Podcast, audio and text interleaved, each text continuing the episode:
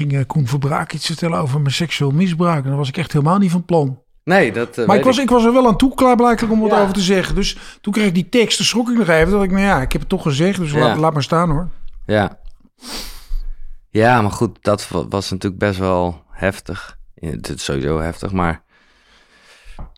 eh, dat je dat, bedoel, wat ik begreep, had je dat nog niet echt gedeeld met je familie en zo, toch? Nee, nu willen mijn ouders geen contact meer met me. Echt? Mijn ouders hebben vanwege dat interview het contact verbroken. Oh, Terwijl je natuurlijk eigenlijk hoopt dat ze dan zeggen vertel eens, want we weten er niks van. Maar de- oh. Maar dat is best wel lang geleden al. begin november, vier maanden geleden. Ja. God, eh, we beginnen gelijk heftig, Bram. Dus je hebt vier maanden geen contact met je ouders. Ja, sinds, eh, sinds begin november.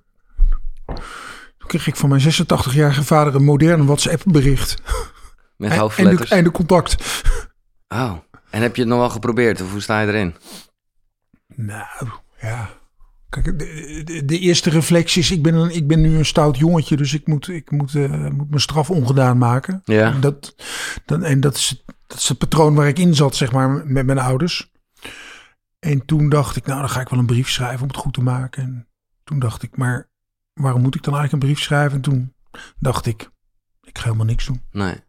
En hoe, ja, ik, eh, ik realiseer me dat ik nu ineens eh, de psychiater uithang, maar... Ja, dat is leuk.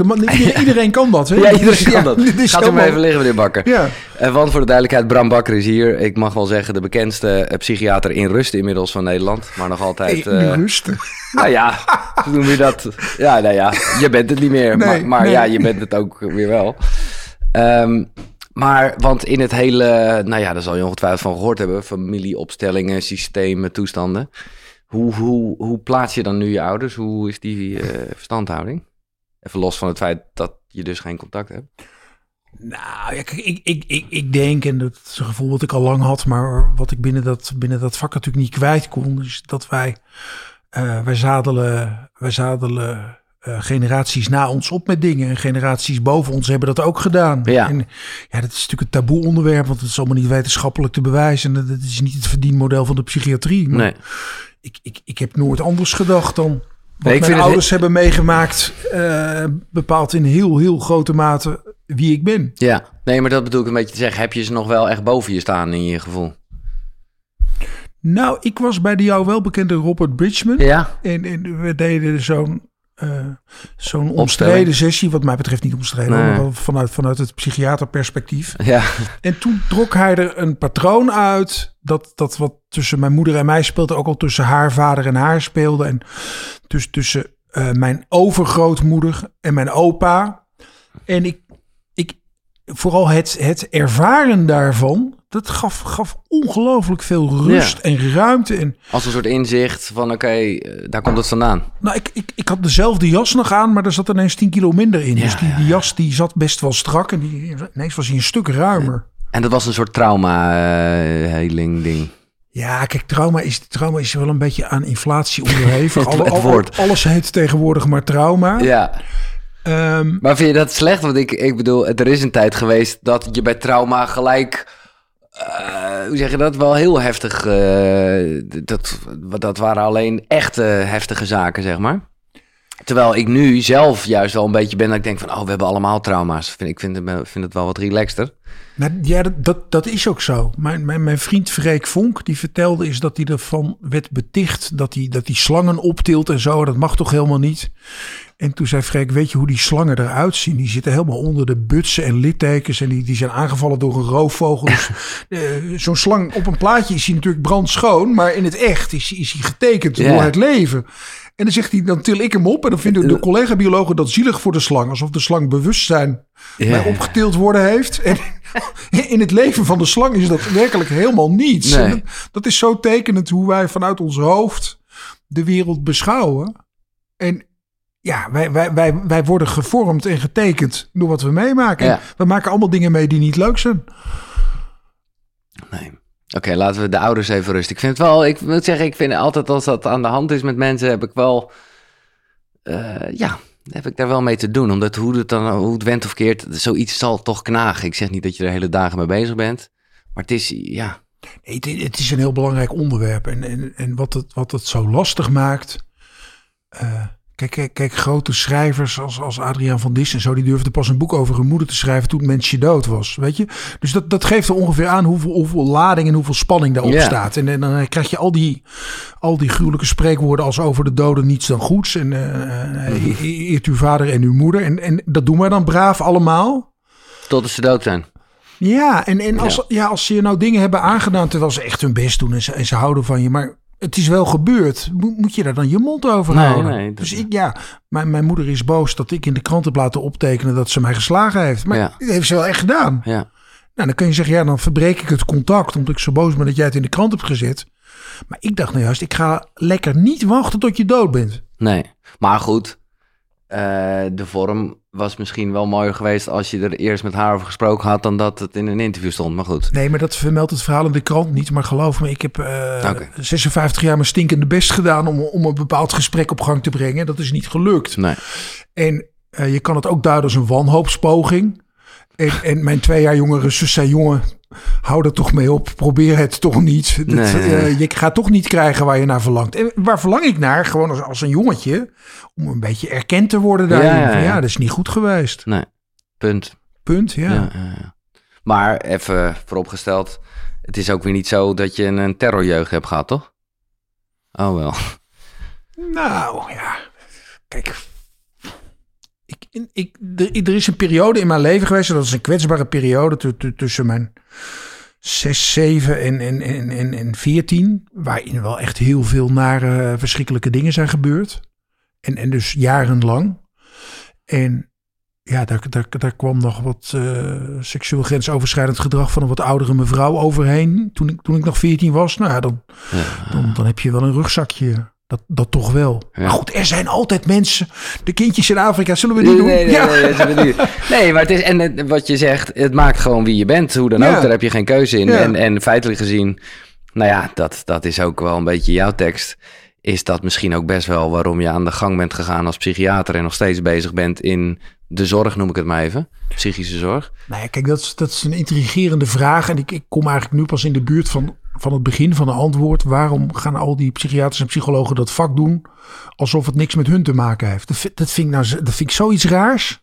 Dat is, dat is natuurlijk niet zo, denk ik. Nee, maar ja, het heeft, het heeft mezelf echt jaren gekost om te erkennen dat mijn primaire drive natuurlijk was eh, leren omgaan met mijn eigen shit. Ja, La- langs een veilige omweg, namelijk een man of vrouw aan de andere kant van het bureau. ja. Maar ik denk, ja, ik kan, ik kan al niet meer anders denken dan dat is het motief bij allemaal. Nee. En ja, kijk, dat wordt natuurlijk krampachtig, krampachtig ontkend. Want we moeten een goede diagnose stellen en het juiste recept schrijven. Ik denk, ja, als het leven zo simpel was. Nou Ja, en vooral, dat vind ik altijd een beetje gek in het echte officiële psycholoog-psychiatervak, dat er altijd zo'n soort afstand moet blijven. Terwijl ik me voor kan stellen met jouw rugzakje, zoals je dat net noemt. Het lijkt me juist fijn voor mensen die soortgelijke problemen hebben, want dan- snap jij tenminste in welk schuitje ze hebben gezeten. Ja, maar ik, ik ben echt grootgebracht met professionele distantie als hoogste norm. Ja, Dus, dus niet een foto van je kinderen op je bureau. Nee.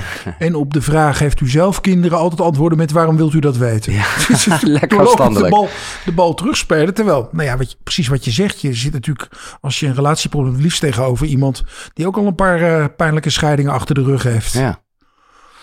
Is dat, ehm, en ik wilde daar een beetje verder van blijven, want dat is bijna alleen voor mensen in het vak heel interessant. Maar ik vind het toch wel interessant, eh, jouw conclusie, dat het toch een beetje een verkrekte wereld is als het gaat om eh, psychiatrie en psychologie, omdat het allemaal zo met labels plakken is en diagnoses stellen. Ja, het, is, het, is, het is een heel ziek systeem. En, eh, hoe zou het beter kunnen? Dat was eigenlijk wat ik wilde weten. Je, je, je zou eigenlijk morgen de GGZ en de jeugdzorg willen opheffen en opnieuw beginnen. Ja, maar hoe... eh, Oké, eh, dat mag. Jij bent, eh, jij bent eh, bij macht om dat te doen. Want hoe je het bent of verkeerd, ik, ik, ik snap jouw aanklacht. Tegelijkertijd is het ook wel ja, een soort handig in een organisatie... om iets in hokjes en zo te kunnen gooien. Ja, maar- En om te leren van elkaar. Maar het, het, het allergrootste probleem, en dat, dat, dat is niet alleen in dit vak, dat zie je in het onderwijs bijvoorbeeld ook, is dat, is dat de vorm de inhoud is gaan domineren. Dus alles moet passen binnen de kaders die zijn aangebracht door managers die er een goede boterham aan verdienen. Maar het begon toch in de hulpverlening bij mensen met een hulpvraag en mensen met een hulpaanbod. Dat is toch gewoon iets tussen twee personen. Ja.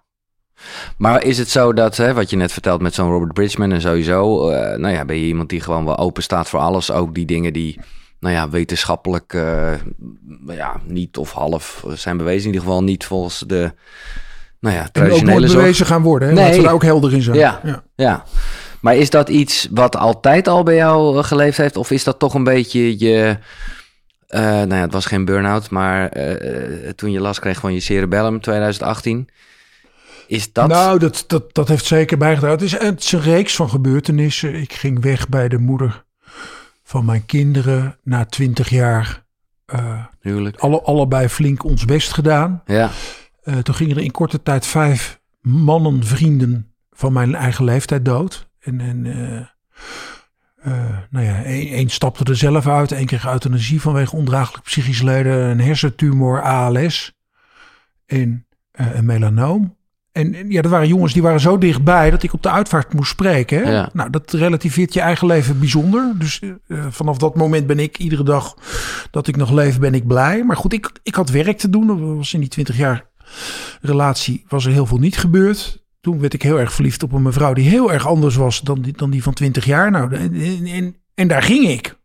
Maar eh, ik had die nieuwe liefde nog niet zo heel lang. En toen donderde ik letterlijk om van de een op de andere dag. En toen kwam ik, kwam ik als klant in het medisch circuit. Ja.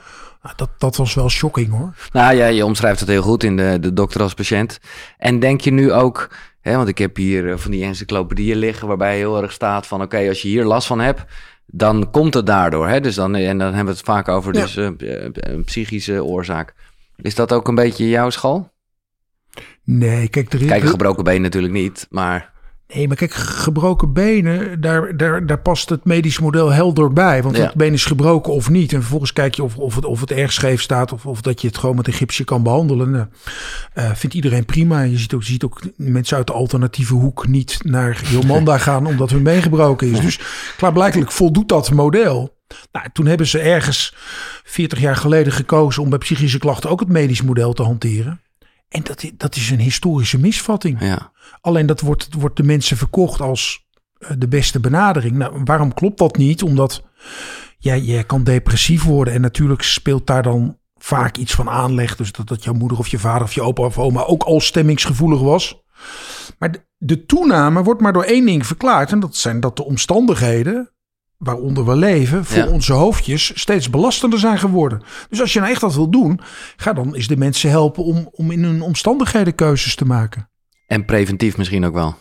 Nou ja, Giel, eh, hoogsensitief is een geschenk. Dan kan je namelijk heel goed voelen dat, dat, Ja. dat er te veel prikkels binnenkomen. Ja. Dan moet je niet zeggen, ik heb een hersenziekte. Dan moet, dan moet je zeggen, ik ga in de polder wonen, want er zijn minder prikkels. Geloof jij in hoogsensitiviteit? In de zin van, dat heb ik soms wel eens, dat ik denk, zijn we het niet eigenlijk allemaal?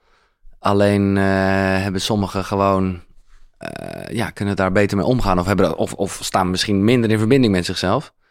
Ja, de een is gevoeliger dan de ander. En Ja. ben je 100, 100 sensitief, dan ben je hoogsensitief. En ben je nul sensitief, dan ben je autistisch, denk ik. Moet je ook mee oppassen, heb je een autisme spectrumstoornis. Ehm, dus, dus gevoeligheid is een eigenschap, net als gevoel voor humor. En, en meer of minder is het niet. Vervolgens moet je eens bedenken, als je zo zo'n last hebt van al die prikkels, wat je daaraan kan doen. En, en wat dat zegt over de manier waarop je leeft. Nee, maar je hebt mensen die, die, die, die, die, die lopen de deur plat bij de KNO-arts vanwege een piep in hun oor. En als je dan de gewetensvraag stelt, als je in Italië op vakantie bent, heb je het dan ook? Dan zeggen ze, nee, daar heb ik er geen last van. Ja, dan is de uitkomst toch, ga een beetje leven alsof je in Italië op vakantie bent. Ja, ja, ja. zo simpel is het. En wat, eh, ik vind het heel mooi omdat jij eh, een eh, ADHD'er bent zonder diagnose. Ja, ja, daar ben ik echt. Ja, ik heb op een gegeven moment als ADD dan, maar dat is een variatie, wel die diagnose gehad. En ook wel, eh, nou ja, dat was voor het eerst, want ik zat altijd eh, bij een psycholoog. Toen moest ik naar een psychiater toe, want ja, dat is de enige die de medicatie mag Ritalin, voorschrijven. ja, daar kwam Ja, het was zoiets, eh, maar inderdaad, een, een soort Ritalin-achtig kreeg ik. Ehm, De echte diagnose is ook Ritalin-deficiëntie. Wat bedoel je daarmee? Nou, de Ritalin is ouder dan de ADHD. Dus, Ja, zo. Dus, dus de medicijn ADHD is er dus- om het Ritalin te verkopen. Oké, maar ik vind dit leuk of leuk. Ik vind het he- misschien wel heel heftig om van jou te horen. Jij, eh, wat dat betreft, heb je ook een heel kritisch beeld, hoor ik nu, over eh, de farmaceutische industrie toestand. Nou ja, kijk, het, het, het is echt het is volksverlakkerij om pillen tegen psychische klachten te verkopen als geneesmiddelen. Want er bestaan geen geneesmiddelen tegen psychische klachten. misschien verdovingsmiddelen even, een beetje afvlakken. en zoals Prozac, Ja, achtergrondje. en als, kijk, als jij, eh, als jij al, al- wekenlang niet slaapt, dan is het fijn dat er slaappillen zijn. Want Ja. als, als je niet slaapt, kun je niet goed nadenken. Dus Nee. dat wordt een beetje lastig werken. Dus ik ben niet tegen die pillen. Maar die pillen zijn nooit meer of minder dan paracetamol bij hoofdpijn. Nee. Dus het, het zijn labmiddelen. Maar de En ook reden maar van de eventjes hoofdpijn... dus. Want, want dat is wel wat ik ja, van, van ook mensen hier aan tafel heb begrepen. Dat eh, ja, eh, Prozac heeft ze geholpen, maar tegelijkertijd ook naar de kloten geholpen. Ja, Omdat, je komt er nooit meer vanaf. En Nou ja. er is nooit onderzocht eh, hoe lang je het moet gebruiken, hoe je het afbouwt, wat, wat de lange termijn gevolgen zijn. Nou, we, we weten onderhand wel dat, dat er mensen echt 20 kilo over zijn aangekomen. Dat, dat sekslevens compleet geruineerd zijn. En dan heb, heb ik het niet over vertraagd klaarkomen, maar gewoon over een dood geen, geen door je onderbuik. ja. Nou, dan wil je er wel graag vanaf. Ga je de, doe, je de do- doe je de dosering omlaag. En, en dan word je helemaal naar. En dan ga je naar je huis en zeg je, wat moet ik doen? En dan zegt de huis, blijf het vooral maar innemen. Ja. Ja. zo zitten nu mensen 30, 40 jaar die pillen te slikken. Maar zou jij het nu nog voorschrijven? Ik schrijf het nog steeds wel voor. Oh, dat mag nog wel. Ik weet ik ben niet. dokter nog, hè? Ja, ja, dus oké, ik dan sta mag nog in het BIG-register. Ja, ja, ja. Ja. En, en, maar, eh, en, en, maar heb je dan voor jezelf ook een soort termijn eraan? Zo van, we doen dit even een paar maanden? Nee, want ik, ik, ben, ik, ben, ik ben oprecht overtuigd dat het, dat, dat het maatwerk is wat je moet leveren. En er komen mensen die hebben alles al geprobeerd. En dan zegt mijn gevoel, een klein snufje van een antidepressivum kan hier net het verschil maken. En, en gek genoeg is dat dan vaak ook zo. Dus het is waarschijnlijk gewoon placebo. Maar goed, het, het werkt dan. Mhm. Ja, en, en dan beginnen de onderhandelingen. Eh, ik zeg altijd, één, één, één stoppoging moet je altijd doen. Maar ben je er flink van opgeknapt en heb je er verder geen last van, niet meer aankomen. Nee. Echt natte vingerwerk. Ik vind het mooi dat jij ook wel eh, experimenteert met eh, dingen als ketamine, ook de MDMA en zo doe je dat ook? Dat mag geloof ik ik- officieel niet, maar... Nee, maar ik wil alles proberen. Nou, ik, ik vind microdosing heel interessant. Ja. Dus, de, de, dus de paddo's en de, Ja.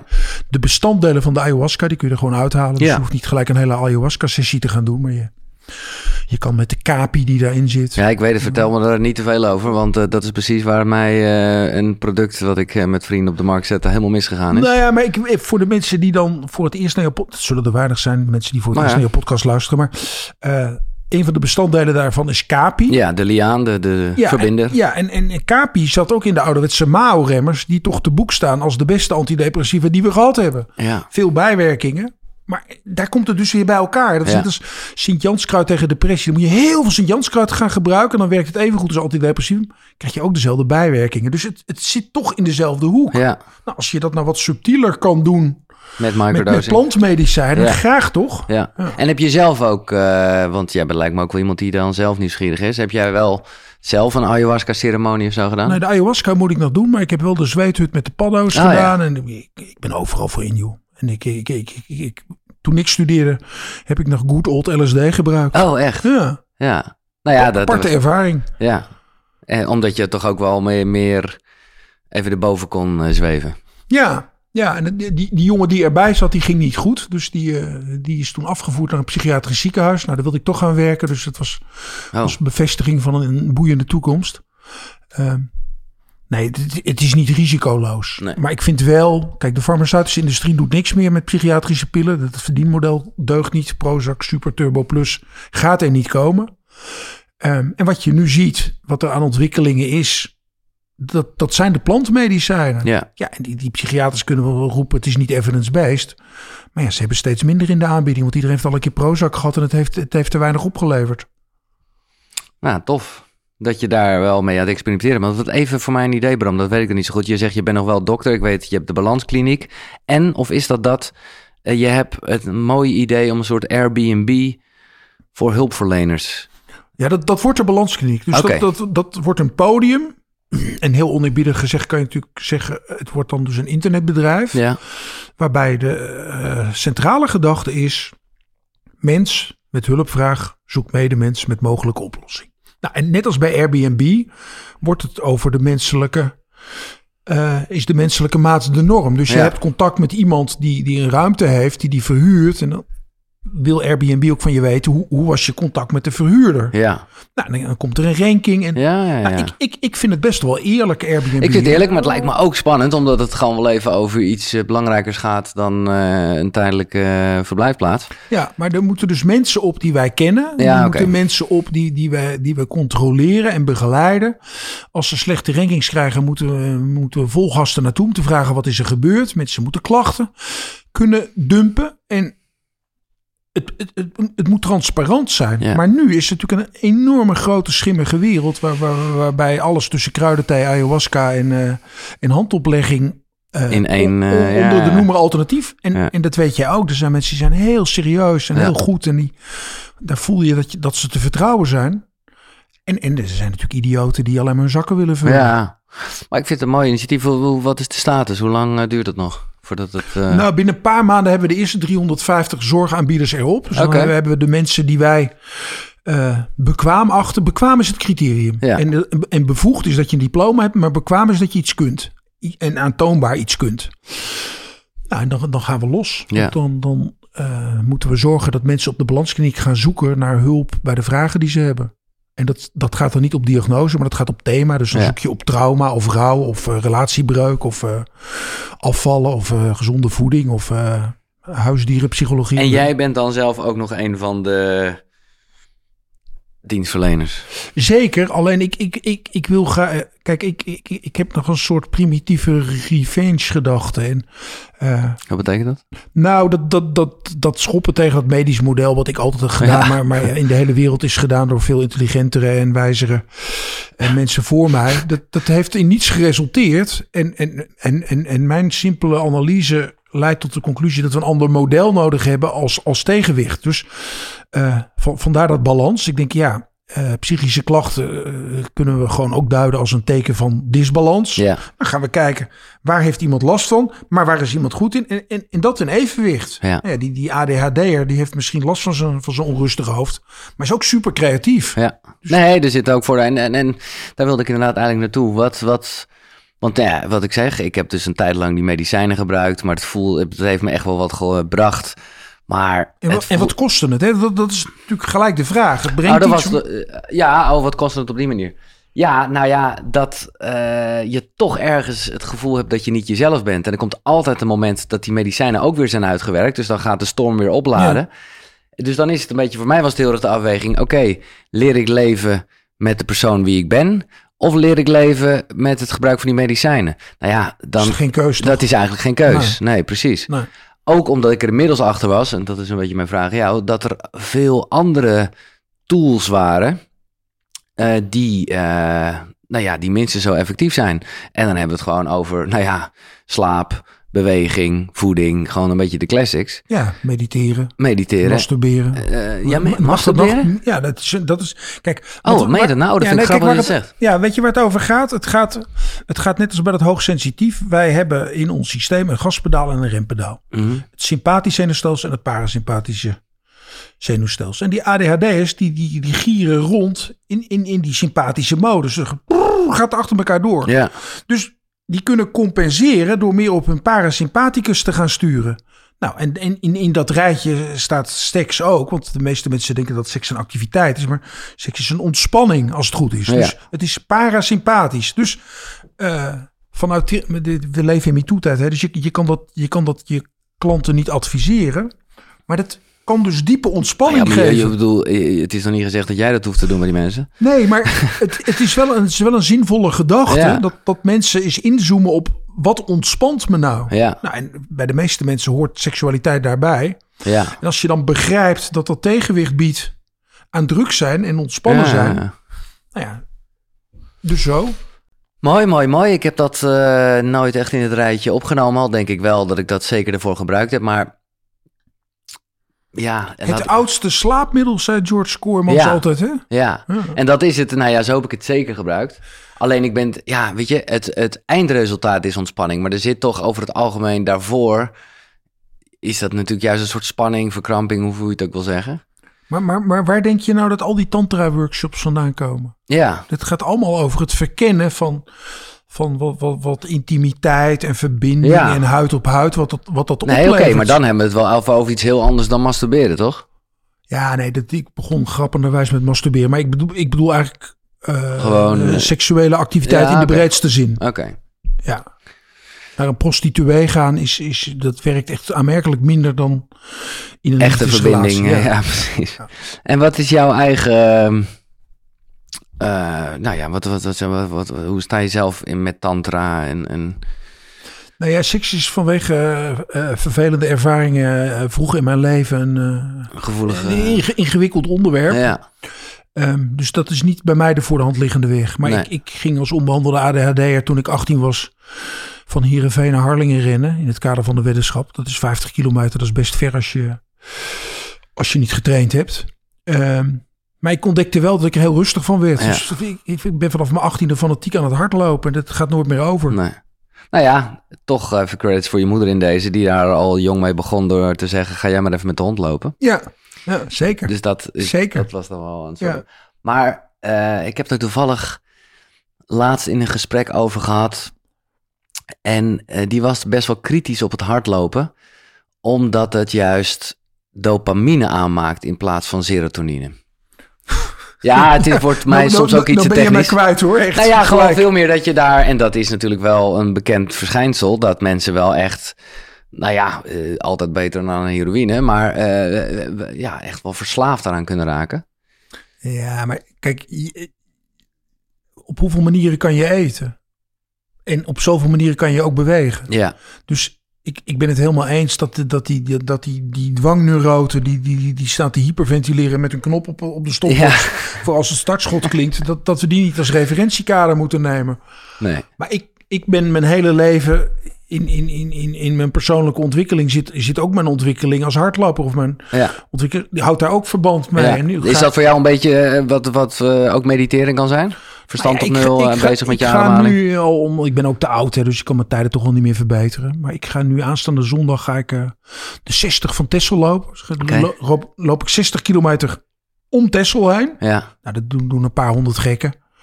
Eh, maar ik- ja, dat, is net zoiets als een bedevaart voor mij. Ja, ja, is een ja. enorme onderneming. En dan rijd ik met de auto naar de boot. Dan ga ik op die boot. eh, Nou ja, dat is heel anders. ja, En hoe lang ik erover doe, I don't know. nee. En als ik bij 38 kilometer denk, het is wel klaar, dan hou ik ermee op. Ik vond het wel mooi, maar dat is meer koor op mijn eigen molen... dat jij toch op een gegeven moment ook eh, de krachttraining wel had ontdekt. Ja, ja. En dat, dat is zeker op mijn leeftijd is dat wel echt een aanbeveling. Want we leveren allemaal, eh, wij leveren testosteron in. eh, vrouwen leveren andere hormonen in. Maar het is in het kader van nog een beetje redden wat er te redden valt, is, is krachttraining wel echt een toevoeging. Ja. Ja, dat is echt zo. Eh, en nog andere tools waarmee jij eh, ADHD, eh, nou ja, ik wil zeggen beteugeld, maar nogmaals, dat vind ik goed dat je het zegt, heeft ook positieve kanten. Maar heb je nog andere tips? Nou ja, ik, ik vind het allerbelangrijkste, niet, niet alleen voor mensen als jij en ik, maar ik vind het allerbelangrijkste dat je, dat, dat je die hoeveelheid prikkels doseert. Ja. Dus voor mij houdt dat in dat ik geen voicemail heb, want ik word echt heel nerveus eh, van voicemailberichten. Dus Ja. die, mogelijkheid bestaat niet meer. Maar ook dat, dat ik gewoon mijn telefoon echt heel vaak uitzet en, Ja. en onbereikbaar durf te zijn. Ja, ik begreep ook ergens in een gesprek dat jij eh, eh, wel van die limieten op je telefoon hebt en zo. Of gebruik je niet meer? Ja, Ik heb dat even gedaan, namelijk tot ik tot de conclusie kwam dat ik gewoon de hele tijd daar toch doorheen ging breken. En dat ik dacht, ja, oké, dit slaat dus nergens op. Ja, nee, ik heb mezelf niet, niet digitaal aan de leiband gelegd. Nee, maar ik strijd wel iedere dag tegen mijn telefoon. Dat is Ja. mijn grootste tegenstander in dit leven. Ja. Is dat maar, is dat niet sowieso voor veel mensen en zeker jonge mensen, maar gewoon eigenlijk voor iedereen een, een, een van de grootste uitdagingen? Nou ja, maar, maar hoeveel zou het al niet schelen als we het gewoon zouden erkennen? Ja, En eh, het, is, het is vooral jonge mensen omdat die niet meer weten hoe het is om geen mobiel te hebben. Maar joh, kijk, kijk, kijk naar mensen van mijn leeftijd. Die zitten ook allemaal de hele dag met zo'n apparaat. mhm. En het- ja, het, het heeft natuurlijk iets heel treurigs. Maar heb jij bepaalde tijd of zo? Want ik merk eigenlijk, eh, nou ja, ik ben blij dat je zegt van eh, erkenning is al stap één. Dus ik ben me wel bewust van de gevaren van het apparaat en zo Ja. hou ik hem dan soms ook wel vast. Ja. Wat niet wegneemt dat ik daar eh, nog steeds in kan verdrinken. Nee, ik heb heel lang in de verslavingszorg gewerkt. Ja. En, en dan, zie, dan zie je eigenlijk dat, dat mateloosheid in gedrag of als een dolle een fles eh, wijn leeg tanken, dat dat, dat dat in essentie hetzelfde is. Ja. Namelijk, je, je begint, je bent het ook helemaal nog niet van plan en in één keer is de rem eraf en dan ga je als een, als een dolle tekeer. En dan Ja. ga je alle sociale media langs en ga je dingen posten en liken. En nou, het, het is echt net, als, net alsof je terugvalt in, je, in heftig gebruik. Ja, Nou ja, ik, ik, ik heb een enorm talent voor mateloosheid in gedrag. Drank en drugs valt erg mee. Maar eh, me- mezelf beheersen qua gedrag, dat is iedere dag een uitdaging. Ja. Nou, nu heb ik mijn telefoon uitstaan. En dan ga ik straks proberen, als we klaar zijn... om even dan goed bij mezelf af te checken... of ik er alweer aan toe ben om hem aan te zetten. nee. En het zou zomaar eens kunnen zijn dat ik hem gewoon nog even een paar uur uitlaat.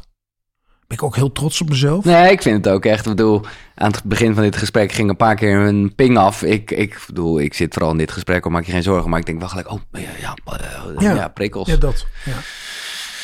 Hmm. En eh, wij doen gemiddeld eh, nog maar 13 minuten per dag niks. Ja, dat is, is onderzocht, schijnt het. Ja. Ja. Ik, maar wat, ja, even los van dat ik inmiddels gewoon een, eh, dus dan daarmee haal ik die 13 minuten omdat ik eh, een 15 minuten eh, ademhalings- of meditatie, zo je wilt, heb ingepland. Maar hoe doe jij niks? Of is dat ook wel dat hardlopen? Ja, nou goed. Kijk, als ik, als ik zeg dat niks doen voor mij hardlopen is, dan zeggen mensen je speelt vals. Ja, En, en ja, ik vind jouw ademhalingsoefening ook behoorlijk in de richting van niets doen komen. Maar ja, de, de hardliners zeggen natuurlijk dat is niks. Nee. Nee, niks doen is Nee, maar gewoon, dom voor je uitstaren. ja, maar dat vind ik zo dat- lastig. Dat, staat wel onder druk natuurlijk. Ja. Men- men- en daar kom je weer bij die telefoon. Mensen pakken in een reflex zo'n apparaat ja, als het even stilvalt. ja. En ja, vroeger, die oud-Hollandse woorden lummelen, lantefanten, ja. pierenwaaien, labbekakken, baliekluiven, die hoor je niet meer. Nee. En ik zou het ook graag willen, maar ik merk dat het toch altijd een soort veredelde brainstorm sessie wordt met mezelf. Of Ja. een, eh, dus dat is dan nog steeds niet echt lummelen. Nee, maar ook, ook je vervelen, dat, dat, dat heeft ook een enorme kwaliteit. Kijk, ik moest Ja. als jongetje heel veel in de kerk zitten. Dat vond, vond de familie nodig. Maar ik heb daar wel echt geleerd om, om een beetje niets te doen. En Mhm. dat is ook ADHD-training, hè? Dat, je, dat je op je handen zit en, en eh, doorlopend ellebogen van beide kanten in je, tussen je ribben krijgt, omdat je nog steeds niet stil zit. Ehm, en, en, en je vervelen is, is ook goed. Ja. Dus ik weet nog wel Maar, dat maar dan... plan je het in? Want ik, ik weet het, hè, door de informatie die ik hier krijg. Maar om het vervolg, ik word er ook een beetje onrustig van. Ten eerste als ik eraan denk. En ten tweede, ja, ja je kan, ik kan, wat, wat moet, ik, moet ik vervelen in mijn agenda gaan zetten? Ja. En nu, nu, nu gaan mannen van onze leeftijd die gaan naar de cursus mindfulness. Eh, maar wat ze 20, 30 jaar geleden deden, dat was vissen. Ja, Dat is mindfulness voor mannen van middelbare Dat is leeftijd. wel vissen. top en als, als, als, als, als, je zo'n man langs de waterkant ziet zitten en je vraagt aan hem wat hij daar al, waar hij al die tijd aan heeft gedacht, dan zegt hij niks. Want Nee. dat is de reden dat hij daar zit. Het gaat niet over het vissen. Nee. Het gaat over dom voor je uitstaren. ja. Het is dat ik, want het lijkt me, ik vind het gewoon zielig voor die vissen. Maar goed, eh, ik kan ook gewoon met mijn hengel gaan zitten zonder haakje. Nou, ik, ik wilde een keer met mijn zoon, die ook een ADHD'er is natuurlijk, wilde ik, wilde ik, ik dacht we gaan vissen. Want ik heb als jongetje ook heel veel gevist. En toen wilde hij eerst weten eh, welke app hij dan moest hebben. toen zei ik, hoezo dan? Hij zegt, ja, we moeten toch weten waar de vissen zitten. Oh, fantastisch. Nou, toen gingen we vissen en toen hadden we na, na een kwartier of zo hadden we nog niks gevangen. Toen wilde hij niet meer. Nee, nee, nee, gewoon saai, resultaat. saai vissen. Ja, maar dat is dus ook precies de kracht. Ja. Ehm, ja, laten we het toch ook maar even hebben over de ademhalingen. Want je noemt al het hardlopen. En ik heb eerder met Koen de Jong, eh, een van de eerste Koekeroe-afleveringen, eh, te gast gehad. Ja. En, en natuurlijk eh, kwam het ook over jullie boek. Ja, pff, ik haal maar even diep adem. Maar, want het is zes keer per minuut. Zou het moeten zijn, toch? Iedere volwassen Nederlander, ongeacht leeftijd, geslacht en conditie, kan met zes keer per minuut toe. Ja, als hij ontspannen is. En wat is ongeveer het gemiddelde, denk je? 13, 14. Ja, dubbele dus. Ja. Ja, ik, ik doe een eh, theatertour momenteel. En ik laat altijd de mensen in de zaal dat even doen. Ja. Want dan, voor ze in slaap vallen, eh, krijg je ze goed wakker door daar even op te wijzen. En dan zie je ze allemaal denken, hoe kan het nou dat hier mensen met vijf of zes zitten terwijl ik op twintig zit? En dat is natuurlijk een interessante vraag. Ja. Je zit naar hetzelfde gezwets te luisteren en toch, eh, toch zit je ademhaling zo hoog. En eh, misschien is het te kort door de bocht. Maar ja, ik weet zeker dat iedereen die nu luistert toch even op zijn ademhaling aan het letten is. Eh, heb je een tip om die ademhaling omlaag te krijgen?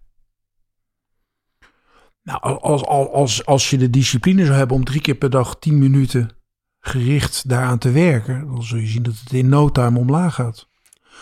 Kijk, en dat betekent gewoon eigenlijk na het uitbla of uitademen. Langer adem uit. Ja. Of adem langer uit. Dat zit wel met ja, je de dingen. Ja, en dan kan je eigenlijk even wachten. En dan voel je wel wanneer je weer een nieuwe ademteug nodig hebt. Nou, als, als je dat drie keer per dag tien minuten oefent, dan gaat je frequentie enorm omlaag. Ja. En is dat iets wat jij ook nog steeds... Uh... Jazeker, want ik leerde Koen kennen omdat iemand tegen mij had gezegd... je hoeft niet meer te gaan trainen voor dat hardlopen om sneller te lopen als je aan je ademhaling gaat werken. En ik zat nog, ik zat nog in mijn competitiemodus. Ja, dus ik ken, ken Koen al lang. dus ik dacht, niet meer trainen, toch nog harder lopen. Nou, dat wil ik. Dus ik ging naar Koen en die, die, die, die zette me aan de tafel en ik moest een tijdschriftje lezen. Toen uh, had een apparaatje aangesloten en ik, ik had 16. Dus ik, ik, zat, ik zat goed in de doelgroep. ja. ik had het helemaal niet door, hè.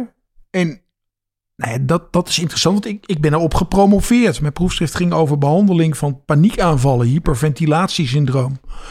Dus theoretisch, neurobiologisch wist ik er alles van. Maar in de praktijk had, ik, had, had, ik er zelf last van. Ja. Nou, en waar, waar, waar mij dat heeft gebracht, en ik, ik, ik, ik, ik hoor dat in wat jij doet, ik hoor er in de, dat in de gesprekken die jij hebt, en gelukkig ook bij steeds meer mensen om me heen. Het gaat toch bottom line steeds over sta ik aan of sta ik uit? Mhm. en, en hoe ga ik uit? Nou, ja. weer dat sympathisch, parasympathisch, gas geven of remmen. Ja, als jij weet hoe je jezelf uitzet, of je ook nauwelijks te remmen. Hè? Een, een, goede chauffeur die remt nauwelijks. Max Verstappen is wereldkampioen niet omdat hij het beste gas geeft, omdat maar omdat hij het eh, minste remt. Want dan doen, doen, ze banden het langer. En, dus dat, dat is eigenlijk hoe we het leven het beste zouden kunnen leiden. Nou, dat, dat vraagt oefening, want we, zijn dat verleerd. Bovendien vraagt onze telefoon de hele dag om het anders te doen.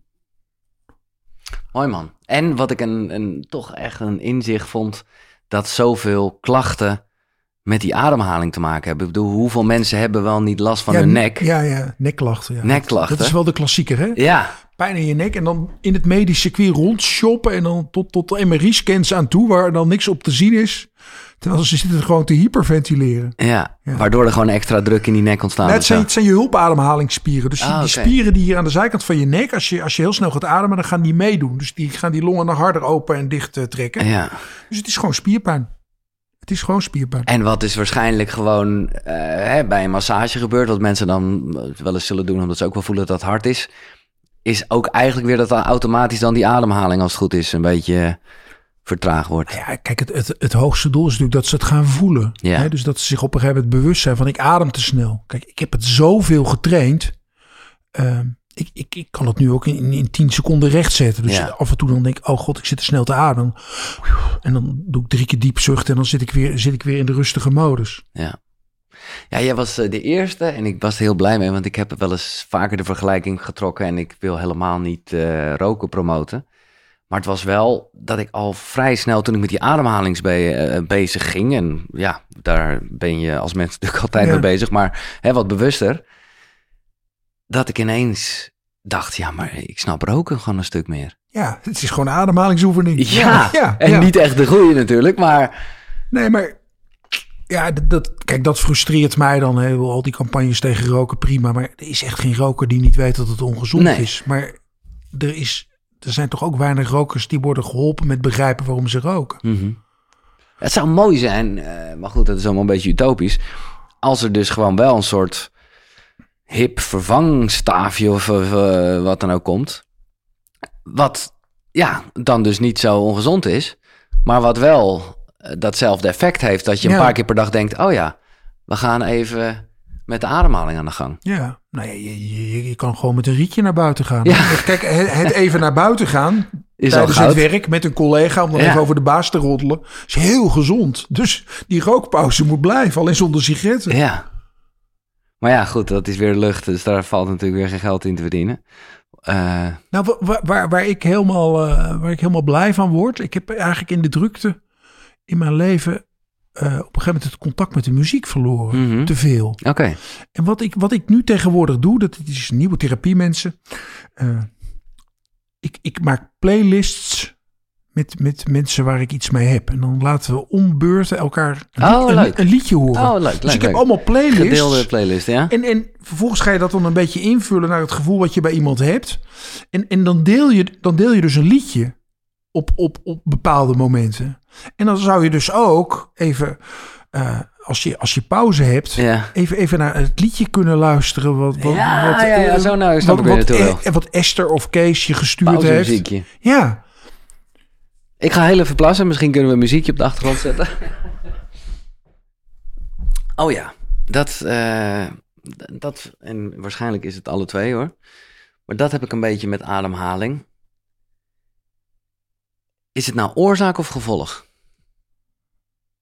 Dus, snap je wat ik bedoel? ja, ja, heel goed. Ja, Ja, maakt niet uit. Nee, niet uit. Nee, kijk, maar, maar het is het alle twee. Nee, maar kijk, dat, dat, dat, dat is opnieuw het failliet van de psychiatrie wat Ja. mij betreft. Is, is depressie en hersenziekte. Ja, als je lang somber bent, dan zal er in je hoofd ook wel iets veranderen. Maar begint het daar of eindigt het daar? Er, er zitten natuurlijk heel veel kip-ei-vraagstukken Ja, in het leven. Maar wat ademhaling vooral is, is een ongelooflijk krachtig instrument. Want je hebt het altijd bij je en- en je, en je kan er altijd iets mee doen. Dus waarom gaan, we, gaan wij niet standaard eh, jonge kinderen al ademhalingsoefeningen geven? Dat, dat zou echt, jongen, dat is een investering. Daar word je helemaal naar van. ja. Maar waarom, eh, of eh, ja, want dan zit ik toch wel weer met, nou ja, ook wel jouw cynische blik naar de farmaceutische industrie en zo. Die ik deel. dat zou, ja. En dan denk ik wel van, oh, dat gaat dus nooit gebeuren. Nou, nee, ik ben wel echt optimistisch eigenlijk toch. Hm. Ehm, ik, ik, denk dat, ik denk dat dat hersenziektemodel en die, en die, en die gerichtheid op, op ons hoofd, met name op de hersenschors, dat heeft ze langste tijd wel gehad. Want succespercentages lopen gestaag verder terug. Want ja, hoeveel, hoeveel cursussen cognitieve gedragstherapie kun je volgen? dus eh, dat, is, dat is een mes wat vanzelf bot wordt. En nou ja, het, het, het is grappig. Dit is natuurlijk Einstein, hè? dus dat je iedere keer hetzelfde doet. Eh, in de veronderstelling dat er een andere uitkomst volgt. Dat is, dat is waanzin. En, en in die zin is de GGZ waanzinnig. Ze, ze doen namelijk iedere keer hetzelfde. En, en, en ze denken dat het nu wel gaat helpen. Ja. En, eh, er zijn natuurlijk gewoon mannetjes die dan altijd op radio en tv mochten vertellen hoe goed die antidepressiva waren. Ja, je hoort ze niet meer. Nee. Weet je, dat, je had ooit een professor die zei, ja, over tien jaar is 90% van alle depressie te genezen met een geneesmiddel. Nou, ik, ik hoop dat hij zich wel zit te schamen waar hij is ondergedoken. Maar hij is wel ondergedoken. Want Ja. als je hem daar nu op aanspreekt, Dan eh, kan het echt niet meer. nee. Maar is het ook iets dat eh, bij, bij eh cliënten heet het dan, mensen die bij jou lopen, dat je, dat je vaak ook begint met die ademhaling?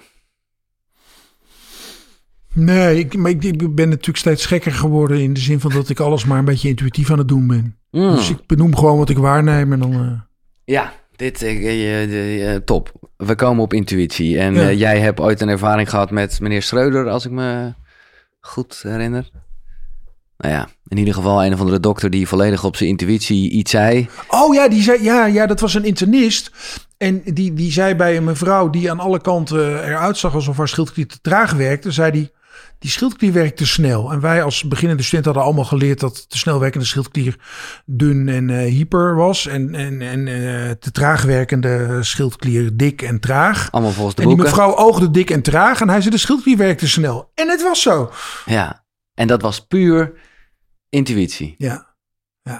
Dat was echt, jongen, dat is toch, dat is toch magic? Ja, Ik vond het echt ja zo- of juist vond- niet. Dus, dus, maar, Ja, maar goed, ik was wel psychiater geworden omdat, omdat ik dacht, ja, dan leer je er dus dwars doorheen kijken. Ja. Dat vond ik nou zo fascinerend. Nee, maar dat is... eh, Kijk, ik stel wel vaker deze vraag en ik snap dat het eh, bijna niet kan. Ofwel, ik ben benieuwd naar je antwoord. Hoe train je je intuïtie? Nou, ik denk eigenlijk, maar, maar de- ja, god, dat wordt, wordt wel, wel kritisch eh, ten opzichte van mijn voormalige vak.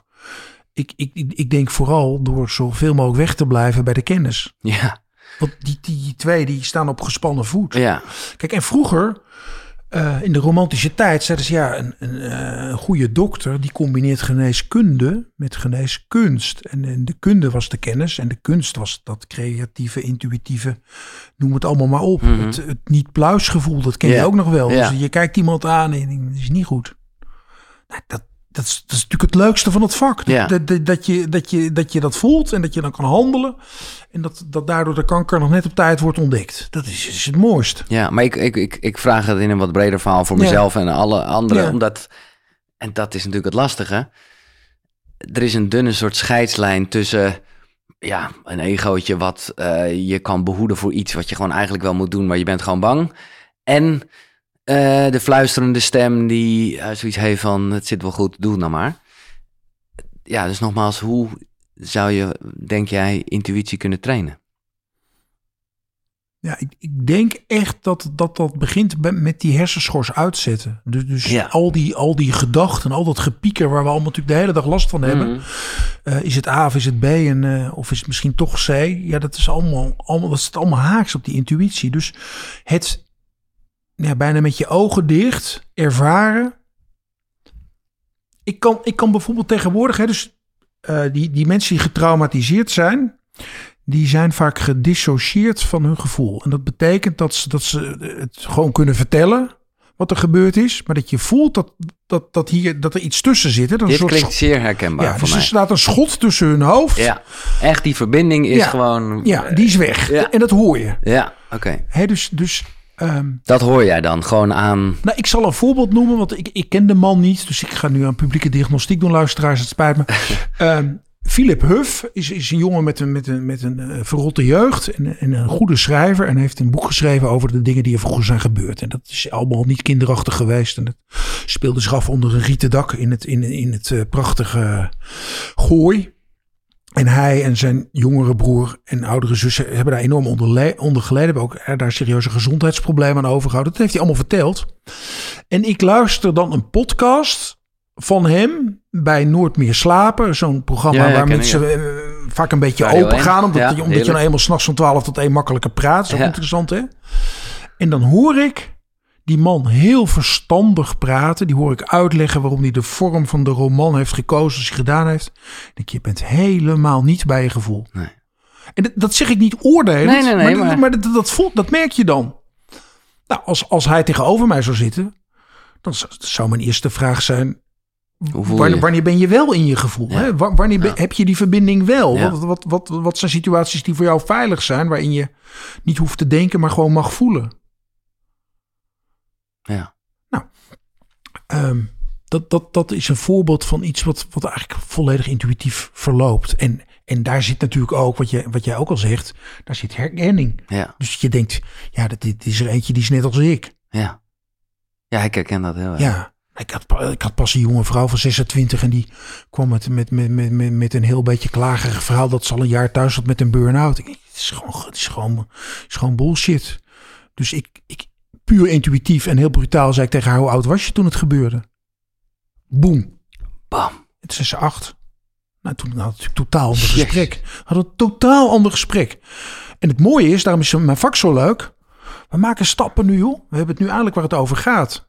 Want die burn-out is, is de vermomming van, van dat onderliggende Ja. probleem om te Ja. voelen. Ja. Ja, shit. Nou ja, vermomming, een, een, een resultaat misschien. ja, Ja, ja, ja, ja. ja. Maar goed. dan kun je eh, heel lang behandeld worden voor je burn-out. Ja, als, nee. als, als die ervaringen niet op tafel komen. Maar oké, eh, als ik die Huff-guy ben, dan, Ja. dan, dan hè, nogmaals, ik herken me daarin. En, en nou, Ik, ook, hè? Want ik, ik- ja, was ook zo'n Baviaan psychiater die zei... eh, Hoezo bam, eroverheen. Ja, Ja. Maar hoe, eh, want dan, ja, het is, het is te makkelijk om te zeggen, nee, luister gewoon wat meer naar je gevoel, blijf in verbinding. Want dat is nou precies wat volledig automatisch gebeurt. Het is geen keuze, het is niet, het is niet, oh, we, we koppelen even de verbinding los, want dan, eh, Nee, maar je kan wel kiezen om je gevoel als vertrekpunt te nemen. ja, Maar dat betekent dat je tijd moet nemen. Hè, want dan moet je onthaasten. En dan moet je bewust zijn, want zo, zo heeft onze lieve Heer ons toch geprogrammeerd, dat, dat het gevoel altijd het vertrekpunt is. En het nadenken over je gevoel, dat onderscheidt mensen van, van, van onze honden en katten. ja, Want als die iets voelen, dan schieten ze gelijk in de actie. ja, Dus alle zoogdieren, behalve de mens, gaan vanuit hun gevoel acteren. Mensen hebben het talent, en dat is dat, dat, is dat dunne laagje hersenschors, om nog even te verzinnen dat het misschien geen goed idee is om deze soortgenoot op zijn gezicht te timmeren of onzedelijk te betasten. Nou, daardoor, daarom, daarom eten wij met mes en vork en gebruiken we Ja. wc-papier. Allemaal prachtig. Maar op het moment je die hersenschors weghaalt, dan zijn we gewoon weer bavianen. En, en, en dat, dat is veel bepalender voor ons doen en laten dan dat we goede manieren hebben geleerd van onze Mhm. ouders. Maar nu snap ik even niet eh, waar, waar je naartoe wil. In de zin van. Het voelt ook wel weer. Ja, niet dat ik. eh, natuurlijk wil je niet iemand onzedelijk betasten, niemand op zijn bek slaan. Maar tegelijkertijd, ja, je, je blijft wel. je blijft wel wat dichter bij je gevoel in ieder geval.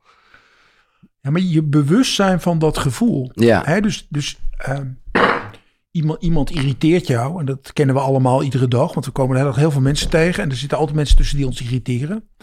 Nou, en in de regel doen we daar niks mee. Z- eh, zeggen we optieven of eh, we toeteren heel hard. Of we doen een middelvinger. En, eh. Maar het is echt wel interessant om eens een keer in te zoomen op wat irriteert me nou Ja. van iemand. En dat gaat eigenlijk altijd Dan over niet zozeer die handeling, maar heel erg wat daar. Nou ja, het gaat altijd over jou. ja, Hè, precies. want de dingen, de dingen in de wereld, en nu wordt het natuurlijk voor, nou niet voor de luisteraars van deze podcast, maar voor de psychiaters onder het gehoor wordt het nu zweverig. Maar de dingen zijn wat ze zijn. Dus Ja. dingen hebben van zichzelf geen lading. Wij geven ze lading. ervan- ja, ja, Nou, en wat, wat doen we? We geven lading vanuit, ons, vanuit onze morele overtuigingen. ja. En, en ja, het, het is bijna niet voor te stellen, maar je kan Poetin ook gewoon een heel zielig mannetje vinden. En ik begrijp dat hij alles doet om je er enorm over op te winden. Maar misschien is het ook wel een heel zielig mannetje. ja. Nou ja, waarschijnlijk wel, ja. Ja, Je hebt ooit gezegd de meest succesvolle mensen. En daar schaak ik hem dan toch maar onder gezien zijn status in ieder Ja. geval. Dat zijn de mensen met de grootste psychische problemen. nou ja het, is, het is niet heel gewaagd om, om, om, om te veronderstellen dat als hij als jongetje wat meer geknuffeld en gewaardeerd en gezien was, dat hij dan nu deze overcompensatie niet nodig zou hebben. Nee. En ik praat niets goed van wat hij doet. Nee, Integendeel, nee, ik vind het verschrikkelijk. Maar op het niveau van Poetin is het natuurlijk, is natuurlijk een groot drama. Ja. Heeft ook Ja, kijk, ook daarvoor geldt weer. Het is maar net wat je ermee doet ook. Hè? Ja. Want het had ook juist een soort grote verbinder kunnen worden in een soort zoektocht. Of, eh, ja. nou ja, natuurlijk toch verdwaald in het ego. Dat, Ja. dat, dat is het natuurlijk toch. Ja. Ja, en ik ben ook wel steeds meer tot de conclusie aan het komen dat ik dan wel heel, erg eerst dacht van oké, ik ga uit verbinding met mezelf. Maar dat ik toch denk, ja, ook dat is... Ik bedoel, geen verbinding is ook verbinding, zou ik bijna Ja, ja. zeggen. Want, want anders, hè, ik heb in de tijd dat ik, dat ik echt even niet meer wist wat ik met mijn leven aan moest, ja, ging ik heel erg blowen. Ja, als ik uit verbinding was, waarom zou ik dat in godsnaam dan doen? Want dan zou ik geen gevoel hebben. Dus ik had wel degelijk gevoel, want anders had ik ook niks te hoeven verdoven, denk ik. Ja. Maar kijk, je hoeft niet de hele dag vol in verbinding met je gevoel te staan. Dat is ook dodelijk vermoeiend. Oké. En, en, en, en daar verdien je ook je salaris niet mee. Dus eh, dat, dat gaan, we niet, gaan we niet bepleiten. Maar als je nou verslaving, hè, dat dit is, dit is een onderwerp wat me mateloos fascineert. Ja, je hebt natuurlijk dat ook bij Ik Sport 6 heel Ja, ik heb, daar, ik heb daar 15 jaar eh, van mijn psychiaterwerktijd in eh, doorgebracht. Ja, De succespercentages van de behandelingen zijn ongelooflijk laag. Echt ongelooflijk laag. Omdat niet naar de oorzaak... eh, Nou ja, omdat die mensen zich dus niet kunnen verbinden met het gevoel wat ze aanzet tot het verdoven van dat gevoel. nee, nee, nee. Dus ja, ja, je kan wel steeds zeggen, je moet je gevoel niet verdoven. Nee, Nee. maar je, je moet dan wel begrijpen wat het gevoel is en wat de alternatieven zijn om het te hanteren. Maar wat, wat eh, eh, zou, daar, zou, zou dat beter kunnen? Ik heb nu een meisje die, die is gruwelijk seksueel misbruikt, heel, heel erg langdurig. En die automutileert. En het is eigenlijk een Zelfsnijden is dat, Ja, hè? ja, en dit is een heel mooi meisje eigenlijk. En die heeft dus twee armen vol met van die streepjes. Ja. ziet er een beetje uit als van die spekkoek die, Ja. die je bij een Indonesisch restaurant krijgt. Ja, dat, maar het klinkt lekkerder dan het is, denk ik. En, en, dat, en haar beide benen ook. Ja, En haar romp. Ze heeft mij, ze heeft mij een, eh, een, eh, een zelfportret laten zien. Een foto die ze van zichzelf gemaakt. Haar romp is gaaf. Ze heeft een prachtige romp. Het is de Venus van Milo, haar ja, romp. ja, ja. Ze heeft mooie, prachtige, volle borsten. Ze heeft een taille. Het is echt een heel mooie romp. En dan zitten daar twee benen en twee armen aan. Helemaal. eh, Helemaal gors gesneden. En twee keer in de week moet zij zich op de eerste hulp laten hechten. Want ze snijdt zo diep dat het bloeden niet stopt. Nou ja, wat, wat, wat hebben we nu gedaan? Het, is- was eigenlijk in een kwartiertje geklaard. We, we hebben met smart tapping, wat dan eh, zo'n alternatieve methode is, emotional freedom techniek. Ja, ja, ja. Dan ga je op je meridianen kloppen om, om de spanning eruit te laten lopen. Dus ik ben met haar gaan tappen. En eh, eh, op, op het zinnetje, ook al ook al uh, beschadig ik mezelf soms enorm, toch accepteer ik mezelf volledig zoals ik ben. En dan klop, kloppen op die, op die meridiaan, op de rand van je handpalm, bij je ogen. En het, het kwam helemaal los. En nu is ze opgehouden met automutileren. Nu zit ze te tappen. Dus de hele dag zit ze te kloppen. Want dat kan je bij jezelf doen. Dus ze heeft nu een alternatief gevonden. Ja. Om die opgekropte spanning eruit te laten lopen. En al die mensen die automutileren, die zeggen: Ja, ik doe dat alleen maar omdat op het moment dat ik gesneden heb. Dan ben ik even rustig. Ja, een soort de alcoholist die Ja. weer gaat drinken, die zegt: Ja, die eerste slok, dan ontspan ik even. En daarna is het gewoon weer dezelfde ellende als daarvoor. Maar wat ik jou dus ook hoor zeggen is vooral eh, vervangen door iets. Ja, als, al- Want anders is het alleen maar heel erg bezig met ik moet stoppen met dat.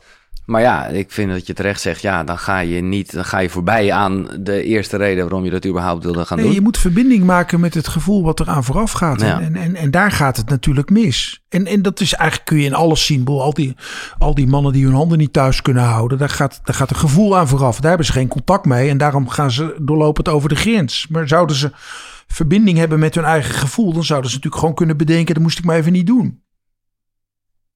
Zo simpel eigenlijk, hè?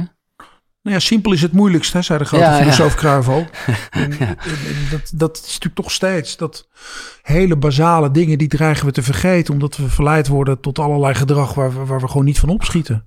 En krijg je een beetje, ik heb helemaal geen idee hoe jij eh, in de scene ligt. Eh, je was altijd omdat je gewoon durft te zeggen eh, en in de media te verschijnen en zo. Daarom zei ik al bij de intro, ben je de bekendste psychiater van Nederland. De beruchtste. Of de beruchtste, maar ook Ja, mooi. ja. Eh, maar wordt het, heb je het gevoel dat we in een goede tijd zitten? Dat het allemaal een beetje wankelt en dat misschien oude collega's, omdat jij het zelf niet meer bent, eh, toch bij je aankloppen of je supporten? Nou, er is, er, er is echt iets gaande. Er, er is een leegloop eh, van psychiaters en psychologen die niet meer in het systeem willen. Dus ik, ik heb dat met een beetje lawaai gedaan en er een boek over geschreven. Eh, gedacht, eh, ik, ik heb twintig jaar geprobeerd iets te veranderen, is niet gelukt. Maar ik ga, ik ga niet met stille trom vertrekken. Eh, maar er vertrekken er heel veel. Er zijn natuurlijk steeds meer die er ook tegenaan lopen dat, dat de macht van die zorgverzekeraars, dat die veel te groot is geworden. Mhm. Die daar ook niet meer mee overweg kunnen. Nee, want dat zou ik nog wel te denken met jouw Airbnb-balanskliniek, noem ik het maar even. Dat zal nog een gedoetje worden. Als het gaat over het eh, financiële verhaal. Nee, dat is heel eenvoudig. Hebben we allemaal al over nagedacht. Dus, dus wij gaan niet verdienen aan het maken van een match tussen een zorgzoeker en een Nee, nee, nee, ik bedoel zeggen, maar die mensen zullen het gewoon, aan alle waarschijnlijkheid zullen ze de meeste van de behandelaren en behandelmethodes zelf moeten lappen, omdat, omdat de, de Ja, nee, dat het niet wil, ik, denkt. le- dat wil ik uitleggen. Dus eh, het, het is heel fair. Jij kiest iemand, je ziet wat het kost. En dan ga je, net als als je spijkerbroek koopt, Ja. ga, je, ga je bepalen of het jou dat waard is. Nou, Ja. is je dat niet waard, dat doe je niet. Nee, dus nee, dat als, snap ik. Als je het hebt over marktwerking, dit, dat is marktwerking. Ja. Nou, omdat, omdat wij ook wel begrijpen dat heel veel mensen serieus in, die serieus in de shit zitten, geen centen hebben, gaan wij een potje vullen zodat mensen die geen geld hebben, maar wel motivatie, dat die dan uit het potje betaald kunnen worden. Nice. Dus het is, het is Mooi. wel een sociaal eh, geëngageerd project. En wie weet, dan, maar dat wilde ik eigenlijk naartoe. Eh, eh, je zegt, eh, blijkbaar zijn er meer collega's die hetzelfde pad eh, Ja. bewandelen. Eh, ja, dat kan toch niet lang duren voordat ook de officiële geldstromen meer die kant op gaan? Nou, dat hoop ik. Kijk, het, het gaat bij ons sneller, het gaat persoonlijker, het gaat doeltreffender. We gaan, we, we- we gaan mensen niet eindeloos eh, aan ons proberen te binden, omdat, omdat dat het verdienmodel is. Kijk, Ja. als jij een dating site hebt, dan heb je maar één belang. Dat is iemand zo lang, dat is iemand zo lang mogelijk op zoek blijven. Want dan betaal je iedere maand je abonnementsgeld. Dus zoek je een partner, ga niet naar een dating site. Nee. Nou, dat, dat zit in die GGZ natuurlijk toch ook een beetje. Eh, als je Want keer je, binnen zit, bent, je kan in je, het systeem. Dus ja, dan kan je blijven. Ja, Dus het zijn allemaal draaideurklanten. Nou, Ja. we, we moeten eerlijk zijn. Dus we moeten tegen mensen zeggen: ja, eh, met, met, met die gruwelijke herinneringen die u, eh, die u met zich draagt, kunnen, kunnen we dit en dat, maar meer ook niet. Nee. Het moet, het, het moet ook eerlijker zijn, hè? En is het allemaal wat meer, is het, dat wordt wel eens gezegd, ik weet niet of jij dat zo ziet, dat het veel meer van de westerse toch naar de ooster, eh, oosterse... ja, zeker. ja. zeker ja. Dat- kijk, mijn, mijn, mijn held, toen ik, toen ik besloot geneeskunde te gaan studeren om psychiater te worden, was Jan Foudrenne. Dat was een, was een psychiater die in die tijd al zei dat medisch model klopt niet. Therapie, therapie is de basis van alles en ik behandel geen patiënten. Ik ga in gesprek met medemensen. Nou, dat, dat, dat, dat, dat was een oude hippie en eh antipsychiatrie, dat, dat heerste toen. En toen ging Foudrenne eind jaren zeventig als een van de eerste Nederlanders ging hij naar Bachwan. En waarom? Omdat hij de antwoorden op de vragen die hij had in Nederland, in de westerse wereld, niet kon vinden. En wat zijn dat voor vragen? Wie ben ik? Ja. Wat beweegt mij? Nou, in, in, de, in de westerse psychiatrie eh, is het helemaal niet nodig dat je weet wie je bent. Je moet gewoon de juiste diagnose stellen en het goede recept. En verder is het niet interessant. Maar als je jezelf niet kent, hoe kun je dan mensen helpen die op zoek zijn naar wie ben ik? Ja. Heb je hem ontmoet ook? Nou, ja, ik heb hem één keer ontmoet, maar hij is al zes jaar dood. Dus net, net zijn biografie is net verschenen. is fascinerend om te lezen. Maar goed, hij wordt, wordt dan hè, in, in, in de vakbladen, die recenseren dan die biografie wel. Want hij, hij was wereldberoemd hè, en eh, verkocht honderdduizenden van dat boek. Eh, wordt dan weggezet als een, als een, als een charmante charlatan of een charismatische eh, zoeker. En, eh, en, de boodschappenjongen van Bachwan, nou, die is natuurlijk in die, in die Netflix-documentaire ook flink de kakker gezet. Dus ja. het is al wel heel makkelijk om te zeggen, nu iedereen is nu van het pad. Nou ja, er zullen psychiaters zijn die zeggen, ja, als je bij Robert Bridgman transformatief werk gaat doen, ja, dan ben je, dan ben je wel echt bewezen gek. Ik voel me lekker niet zo. Nee. Eh, jij hebt het over biografie en boeken. Eh, Dat vind ik een mooie stap naar eh, de boeken. Eh, eh, de vraag die ik aan elke gast stel. Wat zijn drie boeken geweest die in jouw persoonlijke reis van belang zijn geweest? Jij hebt wel eens gezegd boeken, de mooiste uitvinding van de mensheid. Jazeker. Nee, maar je, je weet dat, dat de heksenverbrandingen eh, ten einde zijn gekomen door de uitvinding van de boekdrukkunst. Dus Hm? toen, ja. Want toen Nou, gingen ze eh, boeken eh, verbranden. Nee, toen konden mensen lezen hoe het zat. Oh, zo. En, Ja, ja, ja. en, Oh, zo dat we dus geen aanbeveling verdienden om heksen te verbranden. Dus eh, de boekdrukkunst is in, in mijn optiek en het, kunnen lezen en, en dus kunnen nadenken, is, is by far het beste wat de mensheid. Want kennisoverdracht. Ja, Ja. En, en ja, dat je kan lezen, dat is toch. Ja. En, en dat je alles kan lezen. Ja. dat is fantastisch. ja. Dus ik, ik ben van het lezen. En nou, ik, het, het, het eerste en belangrijkste boek, professioneel gezien, zie ik daar bij jou in de boekenkast Oh. staan. Dat was Uw brein als medicijn Oh. van David Servan Schreiber. Ja. Een inmiddels al lang overleden hoogleraar psychiatrie. Hij staat, eh, dit is het, eh, jij hebt uitzicht op het eh, boekenkastje nog te lezen. Ik zal hem even erbij pakken. Dus ik heb hem niet gelezen. Maar jij raadt hem aan, begrijp ik.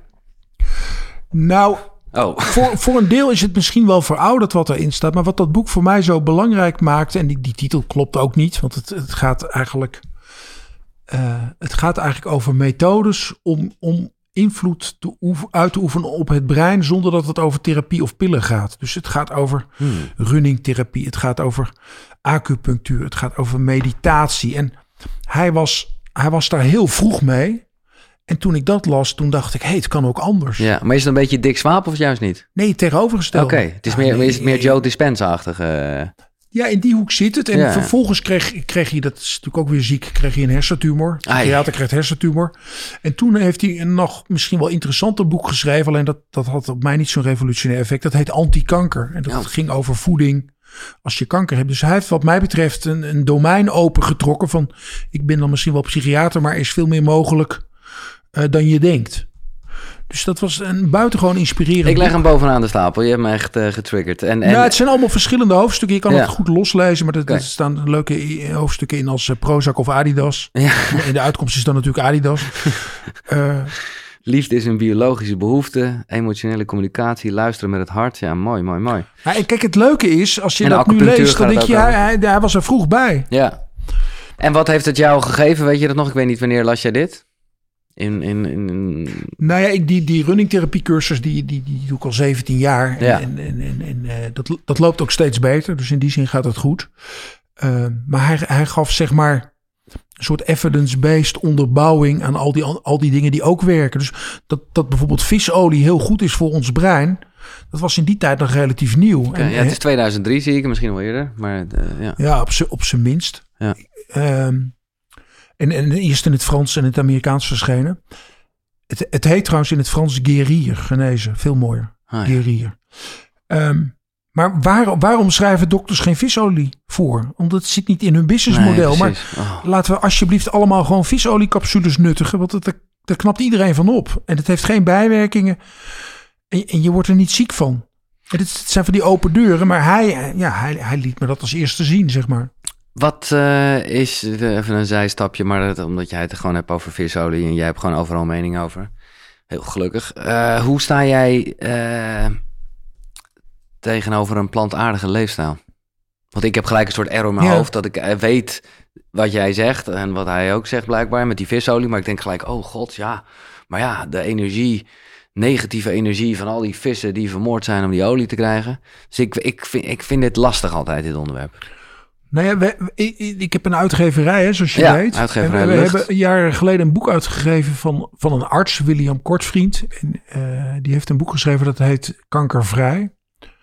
En in dat boek staan alle onderzoeken van wat je qua leefstijl het beste kan doen als je de diagnose kanker krijgt. Oké, En je schrikt je helemaal rot hoeveel kennis er is en wat je van je oncoloog niet hoort. Nee. En ik ga helemaal niet zeggen dat oncologen fout zijn, want je chemo en bestraling en operatie heb je misschien ook nodig. Maar met name de mogelijkheden om, om, om je prognose als je kanker hebt te verbeteren door helemaal plantaardig te gaan eten. En met name alle koolhydraten uit je dieet te flikkeren. Dat, dat heet het ketogeen dieet ja. je schrikt je helemaal beroerd. Je denkt, hoe kan het dat niet iedere oncoloog tegen iedere kankerpatiënt zit nu op het ketogeen dieet? Nee, maar En- dan moet je dus de visolie ook even niet nemen, begrijp ik. Nou, Ja, je, kan, je kan er een beetje over twisten. Het, het gaat eigenlijk vooral over koolhydraten. Hè. Dus suikers, suikers zijn brandstof voor tumoren. Dus het is flikker alle suikers eruit. En een, en een paar honderd jaar geleden hadden we helemaal geen koolhydraat in ons dieet. Nee. Dus eh, een stukje vlees, dat is eiwit. En, en, en vis ook. En, en, en dan plantaardig. Maar vooral, vooral niet eh, die koolhydraten. Nee. En hoe doe jij het zelf? Qua... Nou, ik, ik, ik denk redelijk. Ik, ik, ik, denk goed na over wat ik eet. En eh, ik, ik, ja, ik, ik ben niet een overtuigd vegetariër, maar ik eet wel steeds minder vlees. En ik heb toch ook wel sympathie met mensen die de moeite nemen om, om dat te doen. Want Ja. het, vraagt, het vraagt toch iets van je. Nee, dat is het. En dan, maar dan is het altijd de vraag: doe je het voor de planeet of doe je het ook voor jezelf? Ik ben vrij egoïstisch eh, ingesteld, als in dat ik mijn eigen gezondheid misschien wel toch eh, heel belangrijk vind. Nou ja, ik heb, ik heb altijd een beetje moeite. Dan, dan, dan, dan komt er zo'n komt er zo'n alternatieveling met, met, met, met allemaal eh, een bepaald type kleding en een bepaald type dieet. Die komt dan aangereden in een Peugeot 504 diesel uit 1980. Want dat, dat past goed bij zijn imago. Dan denk ik, ja, dan kan je al die koeien wel het leven redden. Maar wat jij hier de lucht in jaagt aan vuile brandstof. Hou, hou daar dan toch ook eens rekening mee. Ja. Maar goed, ja, nou ja, goed. Eh, genoeg hierover. Dit, dit- we zien de reacties. Een, we- een beetje gebalanceerd. Ja. Kijk, wat, wat erg is, is natuurlijk dat, dat, dat de CO2-uitstoot ten tijde van de coronacrisis hoger was dan ooit. Wat, wat verontrustend is dat er netto nog steeds meer vlees wordt gegeten. Nou, veranderen we dat of lost dat het probleem op als ik er nu mee op? Ja, je kan natuurlijk zeggen, ja, dat, dat draagt bij. Maar ik zou toch veel liever het collectieve bewustzijn ja, maar goed, het begint beetje- bij jezelf natuurlijk. Jawel, maar gemiddeld eet ik steeds minder vlees. Ja, en nee, als, als de mensen gemiddeld evenveel vlees of even weinig vlees zouden eten als ik, dan hadden we dit probleem niet. Nee. Nee, want omdat jij dat nu zo zegt, dat collectief bewustzijn. eh, ik heb je wel eens horen zeggen en ik denk, eh, ja, daar hoeft, dat zal iedereen het bijna mee eens zijn. We zijn collectief uit balans. Ja. Eh, maar ja, kan je anders dan vooral met jezelf, ja, daaraan werken? Want dat voelt ook een beetje als, eh, Ja. eh, alsof je er bijna van je afschuift. En eh, nou, ja, daar zitten we nu even in, ja. Ja, maar ons, onze uitdagingen voor iedereen, iedere dag zijn balansuitdagingen. Dus in hoeverre doe ik dit wel en Ja. dat niet? En ik, ja, ik word gewoon treurig van, van, van zo'n schoolmoeder die op de elektrische bakfiets naar de sportschool gaat. Dan denk ik, ik ga nou toch gewoon fietsen, joh. En dan kan je zeggen, ja, hij is elektrisch, dat is niet verkeerd. Maar Nee, nee. op een elektrische bakfiets naar de sportschool, ja, daar- hier gaat iets mis. Ja. Het doet mij denken aan. Ik ging gisteren wandelen in het bos met mijn vriendin. En ik eh, wa- was naastig op zoek naar een parkeerplaats dicht bij de slagboom. Dat ze zei: van ben je nou echt je auto? Ja. We, gaan, we gaan wandelen. Ja, Ja, ik, ja. ik, Ja, het te die, zeggen. die reflex. ja, Nou ja, achteraan op de parkeerplaats is altijd plek. En eigenlijk zou je altijd achteraan moeten gaan staan. Want dan maak je automatisch weer een paar stappen meer.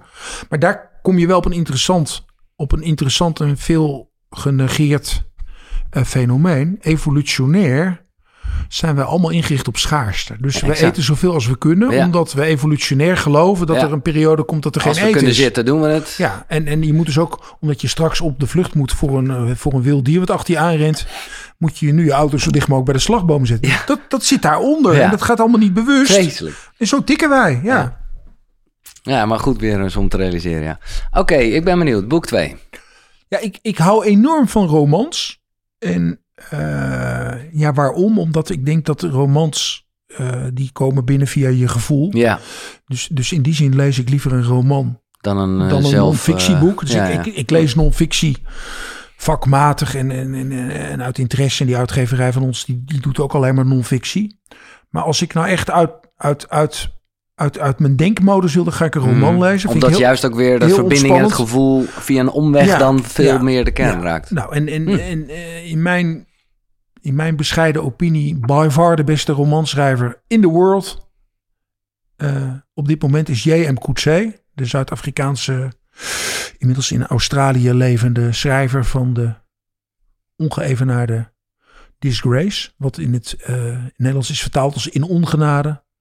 Coetzee heeft twee keer de Booker Prize gewonnen. Dat is niet voor niks. En waarom ben ik nou zo ongelooflijk fan van hem? Hij schrijft hele kleine, simpele, kale zinnetjes. En terwijl je het leest, gebeurt er iets met jou als lezer. En dat, dat is magie. Hm, En dat Disgrace gaat over. Ken je het boek? Nee.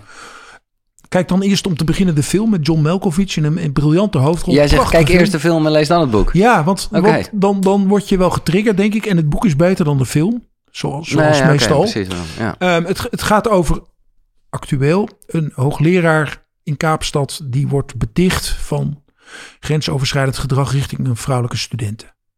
En, en wat daar gebeurt en hoe die daarin wordt meegesleept en naar de historie van de apartheid in Zuid-Afrika, dat, dat, dat komt diep binnen Hm. zonder dat je daar geweest hoeft te zijn. Dus hij raakt, hij raakt aan iets existentieel menselijks, denk ik. Het is, het is een diep menselijk boek. Terwijl Coetzee zelf de boek staat als een contactgestoorde man. Dus dat vind ik ook zo fascinerend. Dus Die die, communiceert eh, bij de een GGZ krijgt hij waarschijnlijk autisme spectrum Ja. stoornis als diagnose. Maar ik ken, ik ken niemand die met zoveel gevoel... Ja, maar juist daarom, dit ken ik via een omweg eh, met terugwerkende kracht, snap ik ineens veel meer waarom ik bij de radio mijn ding deed. Want ja, toch, die zoekt toch naar verbinding Ja. en dat in het eh, echte leven zeg maar niet voor elkaar krijgen. Ja, nee, dat, dat, Dus dat is wel geinig hoe je dan toch daar... eh, maar wat, wat, wat eh, bracht, eh, even los van dat een soort inzicht geeft, was het ook iets persoonlijk dat het jou bracht? Nee, ik heb... Dit, ik, ik ben helemaal in de zweefmodus hoor, maar Ja man. Eh, ik heb de overtuiging dat, dat, dat, dat plekken op aarde verschillende dingen met verschillende mensen doen. En ik ben, ben vaak in Zuid-Afrika geweest. En als ik in Zuid-Afrika voet aan de grond zet, dan gebeurt er iets met me. Dan kom ik in een andere modus. Specifiek nog Kaapstad? Ik ben er toevallig laatst Nou, ik geweest. vlieg dus eigenlijk altijd op Kaapstad, Ja. maar dat, he- dat hele land, dat, Ja. dat raakt me diep. En ik Mm. begrijp er verder helemaal niks van. Maar dat, dat gaat boem naar binnen.